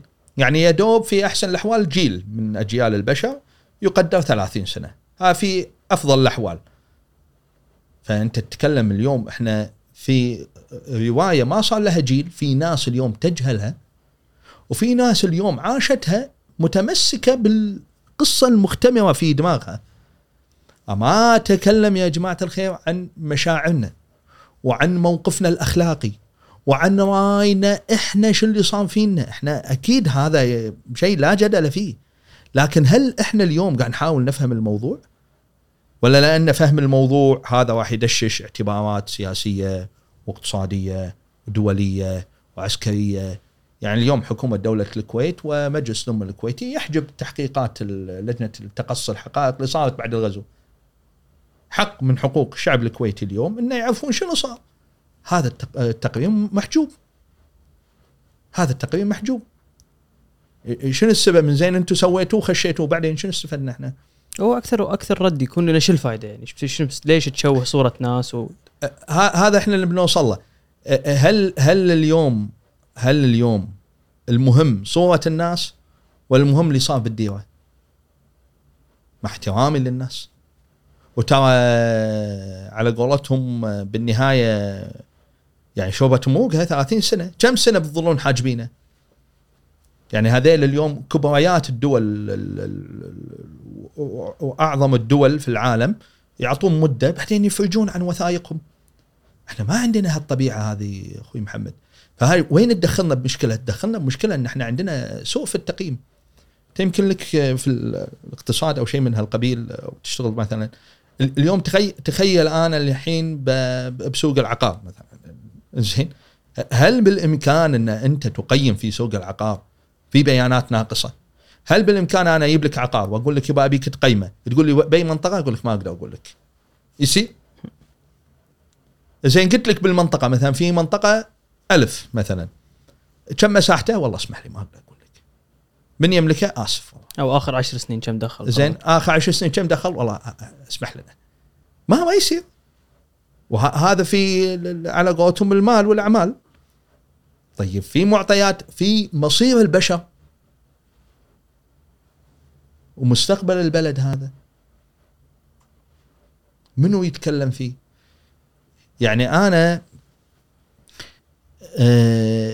ألفت انتباه أخواني يعني المهتمين في التاريخ إن إحنا اليوم وايد وايد عندنا لما نقرأ كتاب في التاريخ وايد عندنا إن إحنا نتأثر في الكتاب. تحصل هذه. أنا أدعو أدعو الناس إن شفت هذا الكتاب اللي أنت تأثرت فيه؟ اي مسكه. رقم واحد ارجع لمراجعه. المراجع اللي هو رجع لها ارجع لها رقم واحد. رقم اثنين دور ناس يقولون عكس كلامه. بس محاولة للتفكير. هل إحنا عندنا هال- هالشجاعة؟ لأن إحنا عندنا ثقافة الجماهير. هني عندنا مشكلة. ما عندنا شجاعة النقد. وهذه الثقافة للأسف كرست بفعل ال social media وغيرها يعني. إن اليوم هذه هي الروايه مالتنا. إحنا ما يصير أنت تسمع شيء ثاني. زين أنا أحتاج أفهم هذا منفصل عن موقف الأخلاقي. يعني أنا يعني قد بس عفوا عفوا عفوا شدني شيء. حتى على مستوى الدين يعني اليوم فرضا يكون في ندوة من ندوات تدعو إلى ال- ال- ال- المسيحية، هل المفروض إن أنا أسمح أو ما عندي مشكلة أسمح أن تقام في دولة إسلامية لأجل انه وهو حر ويروح ويسمع ويقيم موقفه بعدها؟ يعني أنا على مستوى شخصي أعتقد هذه الأمور تقدر بقدرها محمد. يعني الدول غير عن دول. يعني أنت لما اليوم تيجي تقول لي مجتمع مسلم محافظ مثل آه، مجتمعاتنا آه، عندها فورمة معينة يعني إحنا متمسكين فيها إنك أنت تسوي هذا الشيء هذا راح يعتبر كانه تصنع للحرية. بس ليه ليه لا ما فهمت. لا، لا، ليش ليش لا يعني؟ عشان ت- تفهم مثالي. زين إحنا اليوم هني في مسائل وايد ممنوع إن إحنا نتكلم فيها. بس شنو؟ لا يجيب واحد يعرض دينه على الناس. هذا لا انت هني قاعد تلعب على وتر الحرية. انت هني مو قاعد تمارس الحرية. زين؟ بس أنا اليوم أتكلم هل إحنا اليوم في دولتنا وغيرنا من الدول اللي إحنا عندنا على قولتهم أبواب مؤصدة عندنا الجرأه أن إحنا نجيب باسم الحرية ونفتحها؟ ما ما في ما في هذه الجرأه بس عفوا نفس يعني بعيدا يعني ليش فصلت؟ زين. لأن اليوم في بعض المجتمعات يعني على قولتهم هي تمارس فعلا أقصى درجات الحرية. تقول كل واحد يسوي اللي يبيه. أنا هني أقول اي نعم. المفروض أنت تسمع للكل وتستعد إنك أنت تسمع الكل وتستعد أن تسمع من الكل. ليش؟ المجتمع شيء طبيعته. أنا ما يصير إن إحنا اليوم إحنا شنو مشكلتنا مشكلتنا إن هني في بعضنا وضع قواعد يحرم أشياء على المجتمع يحرم أشياء على المجتمع وباسم الحرية يفتح أشياء أخرى. يعني مثال مو بعيد ها إحنا اليوم مثلا في مجتمعاتنا آه، في موضوع الدين هذا على سبيل المثال من المواضيع الحساسة جدا. وأنا ما أختلف عليه. في مجتمعاتنا اليوم يقدم كل واحد عنده مشكلة مع الدين. يقدم ها يندزدز وينحط بالوايهة ويخلونه يتكلم. زين تي على شيء وايد أهون من موضوع الدين مثلا نقد الرموز السياسية لا هذه ممكن توديك يعني في مكان ما حد يعرفه صح ولا لا فهمت هني لما إحنا نتكلم بجانب الحرية لا تعال أنت حقق لي مبدأ الحرية بشكل حقيقي بعدين أنت تعال تجاوز على مكتسباتي أو آه، تجاوز على مرتكزاتي. ومنها الدين زين أنا اليوم موضوع التاريخ لأنه هو جزء من الأصول. أنا اليوم هو مو مستعد يناقش التاريخ ماله. بس مستعد شنو؟ والله مستعد يجيب لك واحد مثلا آه، ملحد ها؟ والله تعال واعرض فكرك وإحنا مؤمنين بالحرية. لا أنت كذاب أنت مو مؤمن بالحرية. أنت مؤمن بصنع صناعة وهم الحرية. حق هذا الإنسان وبصناعة حالة الإشغال إنك تضيع الناس وتضيع الصقله وتخلي الناس والله تقول يعني يا مبدأ الحرية إحنا لازم نناقشه. يا جماعة تعالوا. احترم رايك والله يستر عليك وأنت احترم رايك والله يستر عليك. لكن المطلوب اليوم في شيء ابدا في إن إحنا نتجاوزه. وايد من اللي يسوون هذا مع اسمح لي على الكلمة هاللعب زين؟ هم مو مستعدين يناقشون القضايا الثانية. مو مستعدين يقربون من طرفها. يعني ولعل يعني هذا شيء يعني مو سر يعني إحنا اليوم في منطقتنا يعني وايد موضوع التاريخ حساس جدا. إي بس أبو يحيى أنا أنا ما أتكلم عن تناقض ظهور الناس بس أنا أتكلم إذا في لو, دعوه لو دع- حصل أن إحنا في- بسياق تاريخي يعني أنا شخص جاي.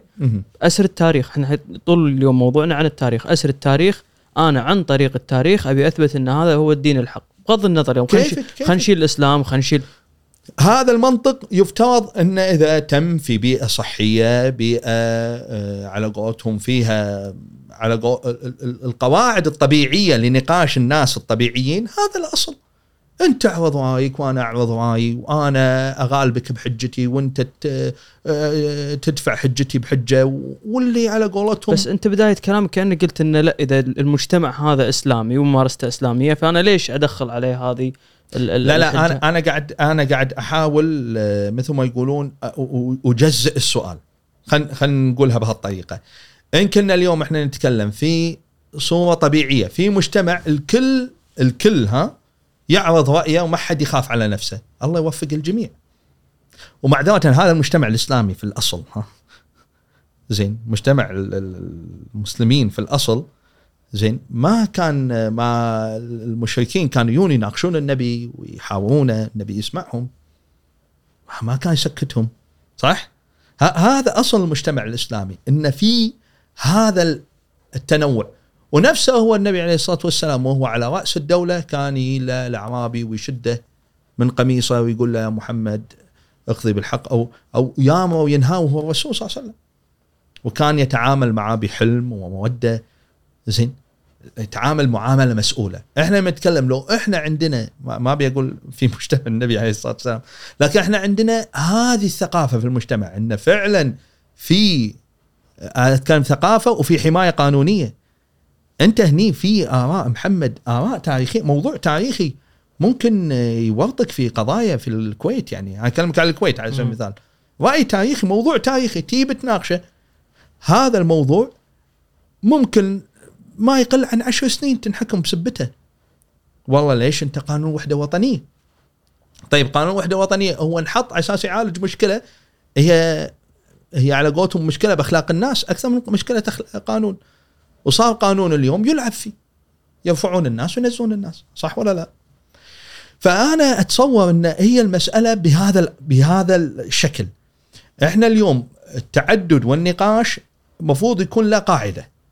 إذا هذه القاعدة متحققة okay. إذا هذه القاعدة مو متحققة تحول هني الهدف. من أني أنا أبي اكرس الحرية إلى أنا أبي أمارس عملية إشغال وإلهاء وأني أنا أدخل الناس بمواضيع آه ثانية. وهذا للاسف آه لعبة جميلة يعني تمارس آه في بيئاتنا يعني؟ يعني نصبح نمسي نلقى في قضية مالية الصحافة وال social media والدنيا كلها ما أدري شنو. ثلاث أربع خمس عشر أسابيع الناس مشغولة بهالقضية. بعدين فجأة تطلع قضية ثانية بعدين فجأة تطلع قضية ثالثة عاشره القضية الأولى شو يصير فيها؟ تنحفظ وتنتهي وممكن تلف وكذا وهذا. زين إشغال الناس اللي صار من استفاد منه؟ وليش صار؟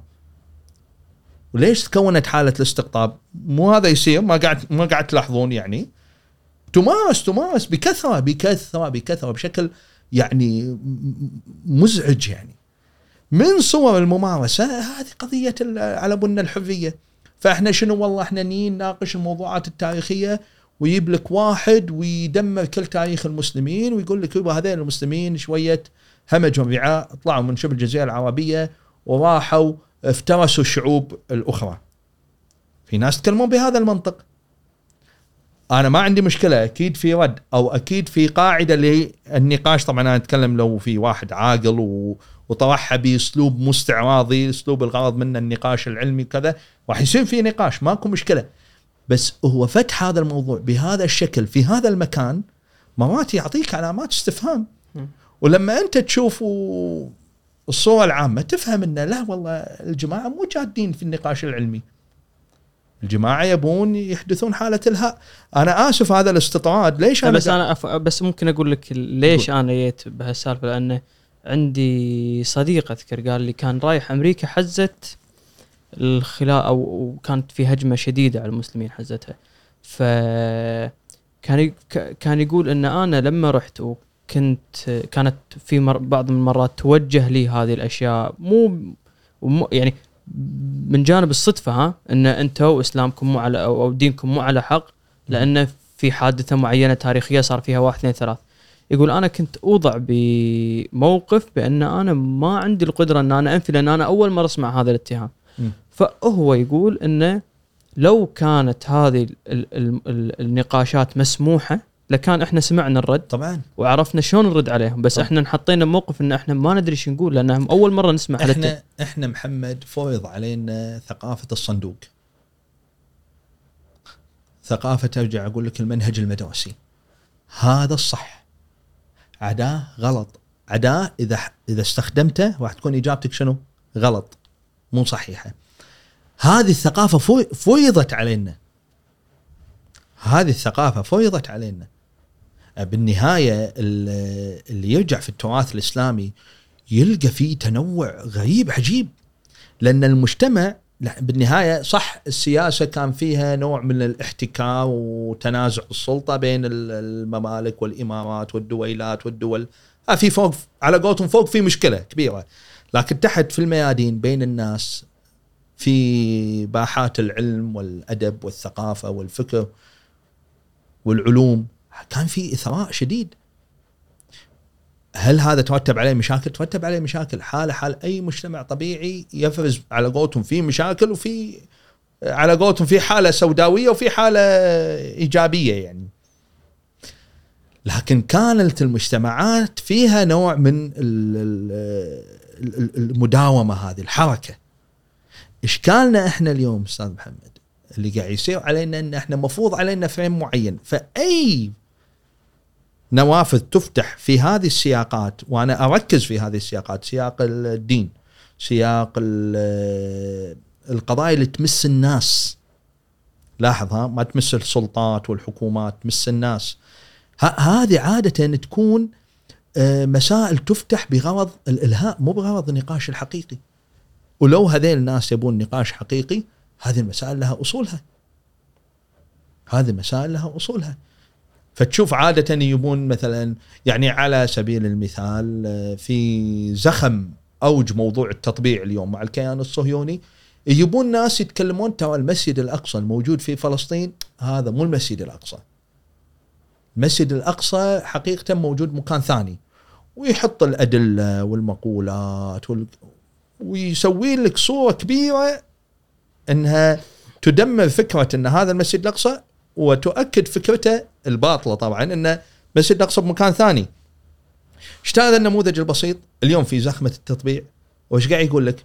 أنت الموضوع المتعاطف فيه والمتبنيه والمتمسك فيه والمؤمن فيه ما له قيمة.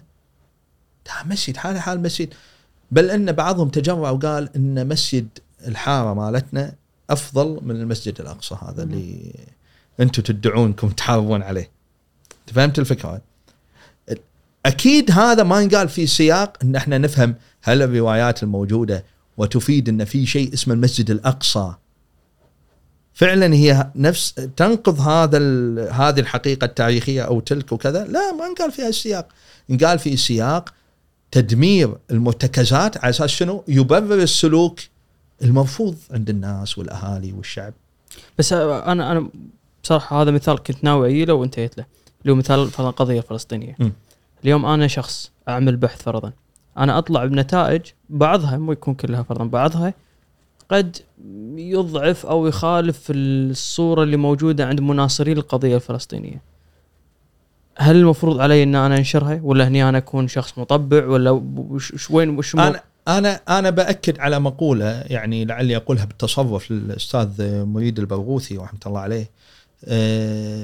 معنى مقولته يعني إن فلسطين حين احتلت احتلت آه، بالسلاح ما احتلت في مناظرة ثقافية أو علمية أو محاججة علمية. بمعنى إحنا اليوم آه، أستاذ محمد الموضوع مقسم قسمين بالذات في موضوع فلسطين. إحنا عندنا القسم الأول وهو الأساس. عندنا شعب سلبت أرضه وهج وقتل واعتدي على حقوقه ووطن مقابل هذا الشعب شعب آخر. ما له علاقة بالمكان. حلو هذا القسم الأول. القسم الثاني اللي هو المسألة اللي أنا وياك نتناقش فيها الموضوع التاريخي، الموضوع الاجتماعي، الموضوع السياسي، الموضوع الاقتصادي اللي فيه آه، فسحة وفي نقاش وفي أخذ ورد وفي تصور وفي ناس يقولون مثلا آه، هذه مثلا لليهود حقوق تاريخية في فلسطين، أوكي إحنا آه، ما أبي أناقش الفكرة بزود لكن هذيل اليهود اليوم الموجودين في أرض فلسطين ما لهم إلا حل واحد إنهم يطلعون من هالأرض لأنهم محتلين. هذول ما عندهم حقوق تاريخية. يعني حتى لما واحد وشلون عندهم حقوق تاريخية؟ والله ما يعني قبل 3000 4000 سنة كان لهم وجود في هذه المنطقة. ما نخلص كذي الدنيا ما تخلص. بس هذه الحقيقة إذا اذا إيه. كانت حقيقة اليوم أنا ما, ما أدري بصراحة شنو. بطبيعة الحال نعم. إن كانت حقيقة يعني هل أنا لهم وجود قديم في هذه المناطق. بس إذا كانت هذه حقيقة هل أنا المفروض إني ما أتداولها؟ لأن هذه ما لا تنفع؟ لا إحنا في السياق العلمي وإحنا نتداولها ولما تي تدرس الموضوع علميا تشوف ان الصهاينه لأن هم متحيزين. شو يقول لك؟ يقول لك هذه الأرض لنا. بوجودنا التاريخي، طبعا الفكر الصهيوني في التاريخ من أشد النماذج اللي تفسر مسألة التحيز. لانهم شو يقول لك؟ يقول لك إحنا قبل 4000 سنة كنا في هالمكان ولما صار الفتح الإسلامي لفلسطين تم تهجير من القدس 400 ألف يهودي مم. وإحنا اليوم عيال هذيل 400 ألف يهودي حلوين أنت اليوم لما تي أنا الحين بناقش الموضوع هذا من زاوية تاريخية هذيل 400 ألف يهودي. هذيل 400 ألف يهودي.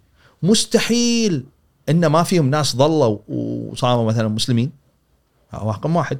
رقم اثنين هذيل 400 ألف يهودي آه، في حينها شلون طلعوا بدون لا يدافعون عن أراضيهم وبلدانهم؟ ما أتكلم عن ألف ألفين ولا جيش عشرين ألف. أربعمية ألف. شلون طلعوا شيء بال- بليلة وضحاها؟ زين رقم ثلاثة. أنت اليوم اللي تقول لنا هذيل إحنا أجدادنا عندك الدليل اللي يثبت علميا أن هذيل أجدادك؟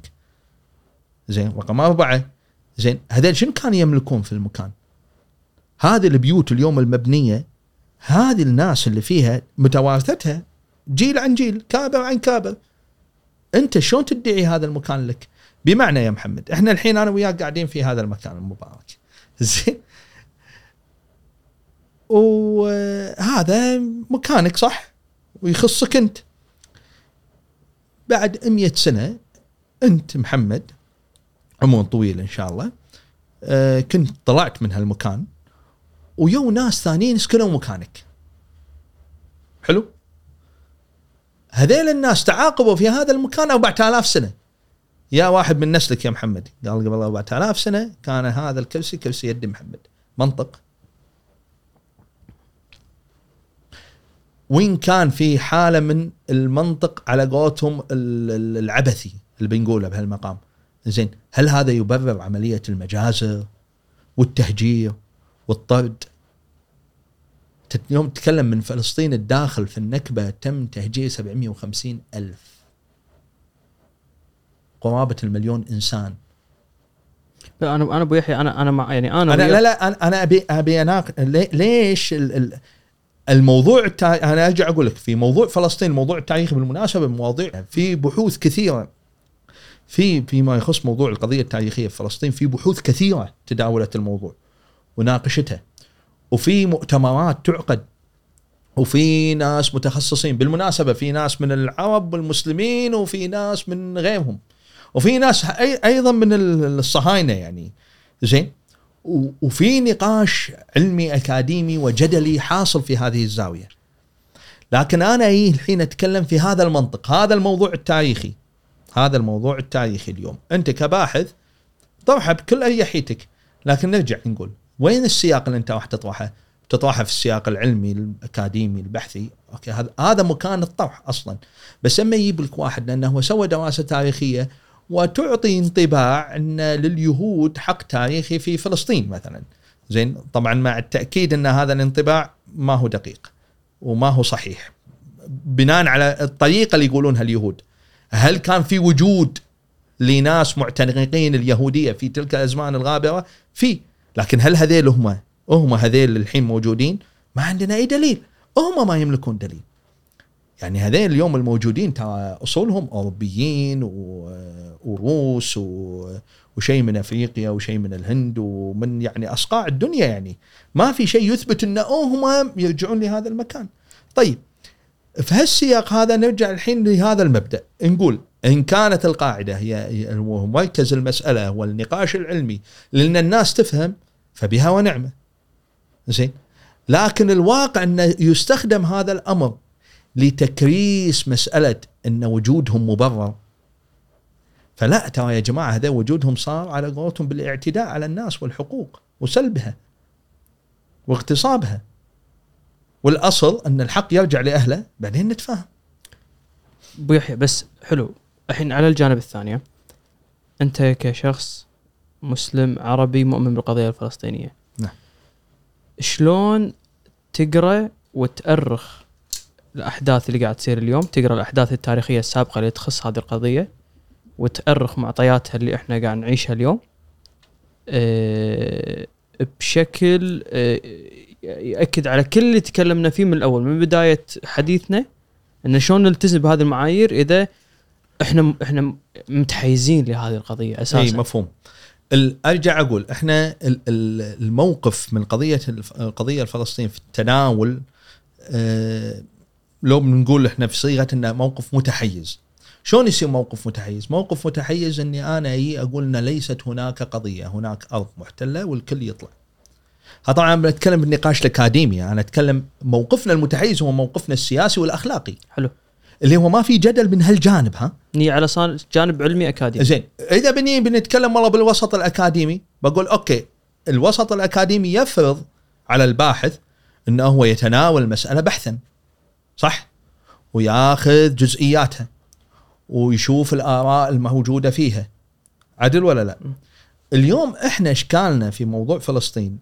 إن إحنا لما نتناول هذا الموضوع ال- الصهاينة هم اللي قاعد يمارسون التحيز. إحنا قاعد نقول تعالوا يا جماعة الخير أعطونا قدموا لنا أدلتكم. يعني أنا الحين أتكلم من زاوية واقعية حاصلة ها. اليوم الكيان الصهيوني عاجز عن خلق المبررات التاريخية لوجوده ما عندهم أدلة كافية فلذلك هم عندهم نوع من السردية المختمرة في دماغهم وقاعد يحاول يروجها أن هذه الأرض لنا وإحنا من آلاف السنين وهذه على قولتهم ميراث أجدادنا. مم. طيب ميراث أجدادك يبرر لك الاعتداء اللي صار لذلك ايلان بابي وهذا مؤرخ إسرائيلي زين لكنه مؤيد للحق الفلسطيني ومعارض للفكرة الصهيونية. عنده كتاب بما مع العنوان ما كنت مخطئ إن خرافات آه، أدت إلى نشأة إسرائيل. علشان يحلون هذا الإشكال محمد شنو سووا اليهود؟ قالوا لا أصلا إحنا بموح أرض ما فيها ناس. وفعلا كان اليهودي اللي عايش بجيتو ال- الجيتو اللي هو مثل حي مغلق. يعيشون فيه اليهود في أوروبا كانوا. اليهودي اللي عايش بجيتو طول عمره في بدايات القرن العشرين وما عنده مصادر معرفة ما يدري منو بفلسطين هذه. ما يدري شنو فلسطين أصلا. فلما يو قالوا له سنة 1930 امشي نهاجر فلسطين. قال شلون راح الميعاد؟ طبعا إحنا هذا هذا موضوع ثاني طبعا إن هم أغلبهم علمانيين لا يؤمنون لا بالله ولا ب ولا ب ولا بتوراة ولا شيء وهذا الموضوع الديني كله هو عبارة عن آه، وسيلة عبثية يستخدمونها بس لاستقطاب اليمين المتطرف المتدين لأنه عندهم يمين قومي يؤمن أن اليهودية قومية عرق فلما يو يتكلمون مع هذا اليهودي إيش قال إيش قنعوا؟ قنعوا أن هذه الأرض ما فيها ناس. زين اليهود لما يا ولقى ناس شنو قالوا له؟ لا هذول ماخذين أرضك. فهو اضطر إنه يخلق سرديه على أساس يحط اليهودي يعني نتكلم اليوم بعقلية اليهودي اللي ما عنده موقف مو صهيوني ها؟ وقالوا له شو مقعدك باوروبا تعال هني. إحنا راح نوديك الكيبوتس الكيبوتس هي نفس مستوطنة زراعية. ويصير لك أرض وتزرعها وتعيش فيها. حلوين؟ زين لما ودينا الكيبوتس شنو صار عندنا؟ صار عندنا إنه والله في فدائيين وفي ناس تحاربني وفي ناس تبي تقتلني، شنو قالوا له؟ قال لا لأن هذول مو عاجبهم إن أنت قاعد تزرع الأرض.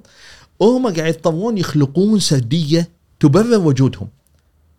وأنا هني بعيدا عن التحيز ها، أنا أتكلم هني اليهود فعلا في موضوع احتلال فلسطين المعاصر هذا عاجزين عن خلق تصور متماسك تاريخي يبرر وجودهم. هم نموذج استعماري وهم نتيجة قرار القوى الاستعمارية في أوروبا إن إحنا نبي نعيد تنظيم المنطقة العربية المحكومة من قبل العثمانيين. جزء من سيناريوهات إعادة الهيكلة شنو؟ إن إحنا نجيب جسم جديد وكانت فكرة إسرائيل. اللي القوميين الصهاينة اللي هم المو متدينين اللي ما يؤمنون لا بأرض ميعاد ولا يحزنون. زين.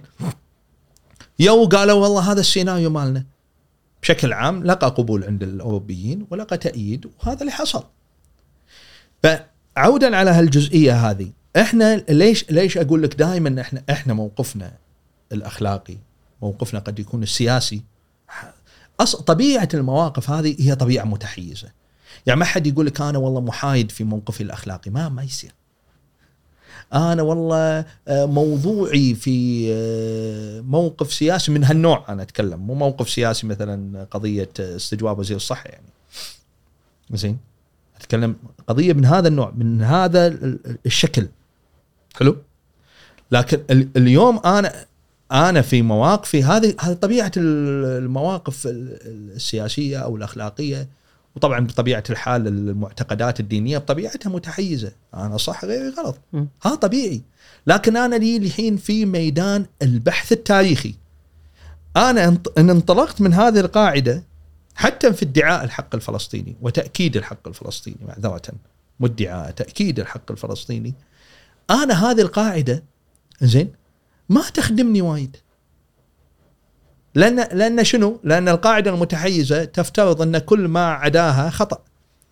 فراح يكون الباحث اللي منطلق من هالزاوية وهو راح يعالج مسألة بهذه الكيفية السطحية.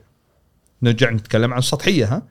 زين لما نيجي على لا والله باحث علمي وصين راح يناقش هذه المسألة. لا راح يرجع لجذورها وأسبابها وأبعادها ومصادرها والآراء الموجودة فيها ومن تناولها في البحث. وبالمناسبة في موضوع مثلا فلسطين في كثير من الدراسات الجادة في المسألة وأرجع أقول لك حتى في الوسط المغاير يعني عند الصهاينة اللي عندهم بحوث في هذه المسألة فعلا هم عندهم إشكال في إيجاد المبرر والمسوغ. لذلك هم اليوم شلون قاعد يسوقون نفسهم في المنطقة؟ يسوقون نفسهم مو بناء على المبررات التاريخية. المبررات التاريخية تنقال على قولتهم بالمنصات. لكن الواقع ما ينقال بمبررات تاريخية.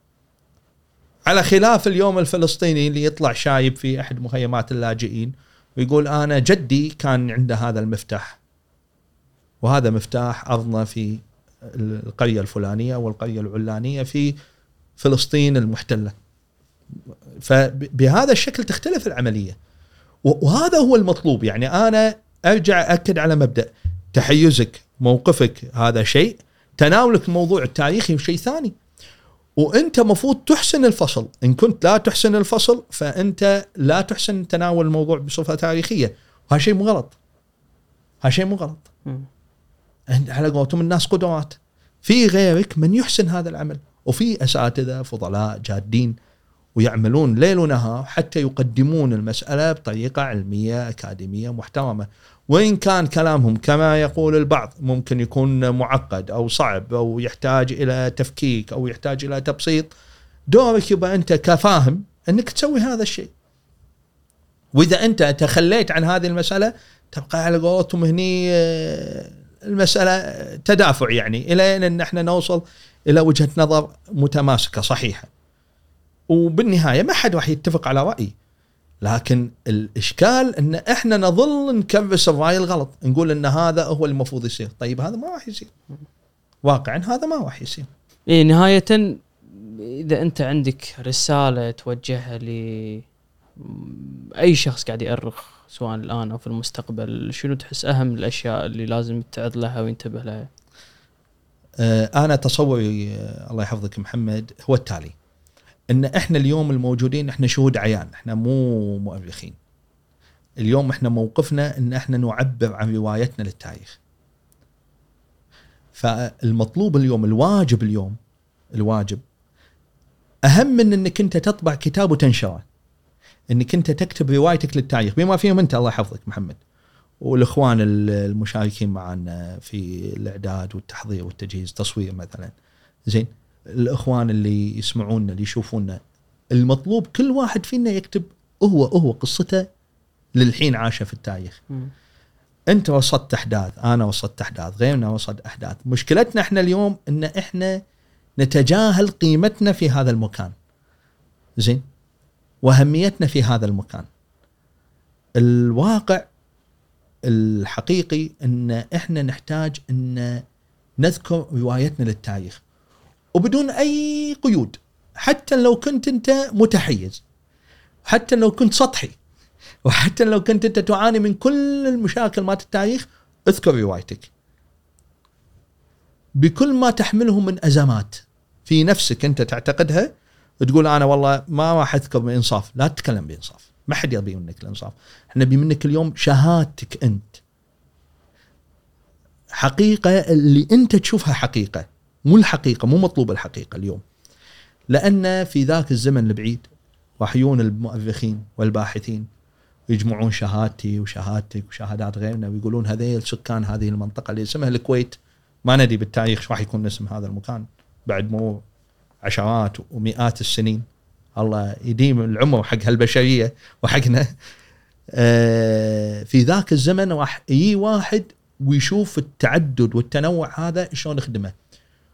وليس بالضرورة ما تكتبه ينشر. فلذلك اللي متحفظ ويخاف ويعتقد إن كلامه خطير لا ينشره بس كتبه. وأنا يعني أذكر في هذا المقام أحد الفضلاء يعني العم يحيى المحمد السميط رحمة الله عليه العم يحيى هذا كان من الأشخاص اللي مهتمين في القصص والأخبار والروايات والتاريخ و... فكتب كل شيء في جعبته يعني من آه، رواياته ومما نقل. وخلاهم في كراسات ومذكرات وأوصى بعدم نشرها بالمناسبة يعني. مم.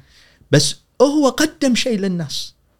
هذا الشيء يقينا راح يكون نافع في يوم ما لناس ناس معينين. أنا من الناس استفدت من هذا الكلام. في شكل ما في حياتي الشخصية أتكلم. بس غيره من الناس في ناس راح تتعلم من هذا الأمر. راح تستفيد من هذا الأمر. وهو يعني رجل فاضل أفضل إلى ربنا نسأل الله يرحمه زين. يحسن ويخطئ. وهذا شيء طبيعي. لكن المشكلة إحنا اليوم بحجة إن اليوم في قيود نمتنع. وبحجة إن إحنا اليوم قد نكون تعترينا مشاكل نمتنع. وبحجة إن إحنا ما نبي نقدم المادة اللي نحاسب عليها نمتنع.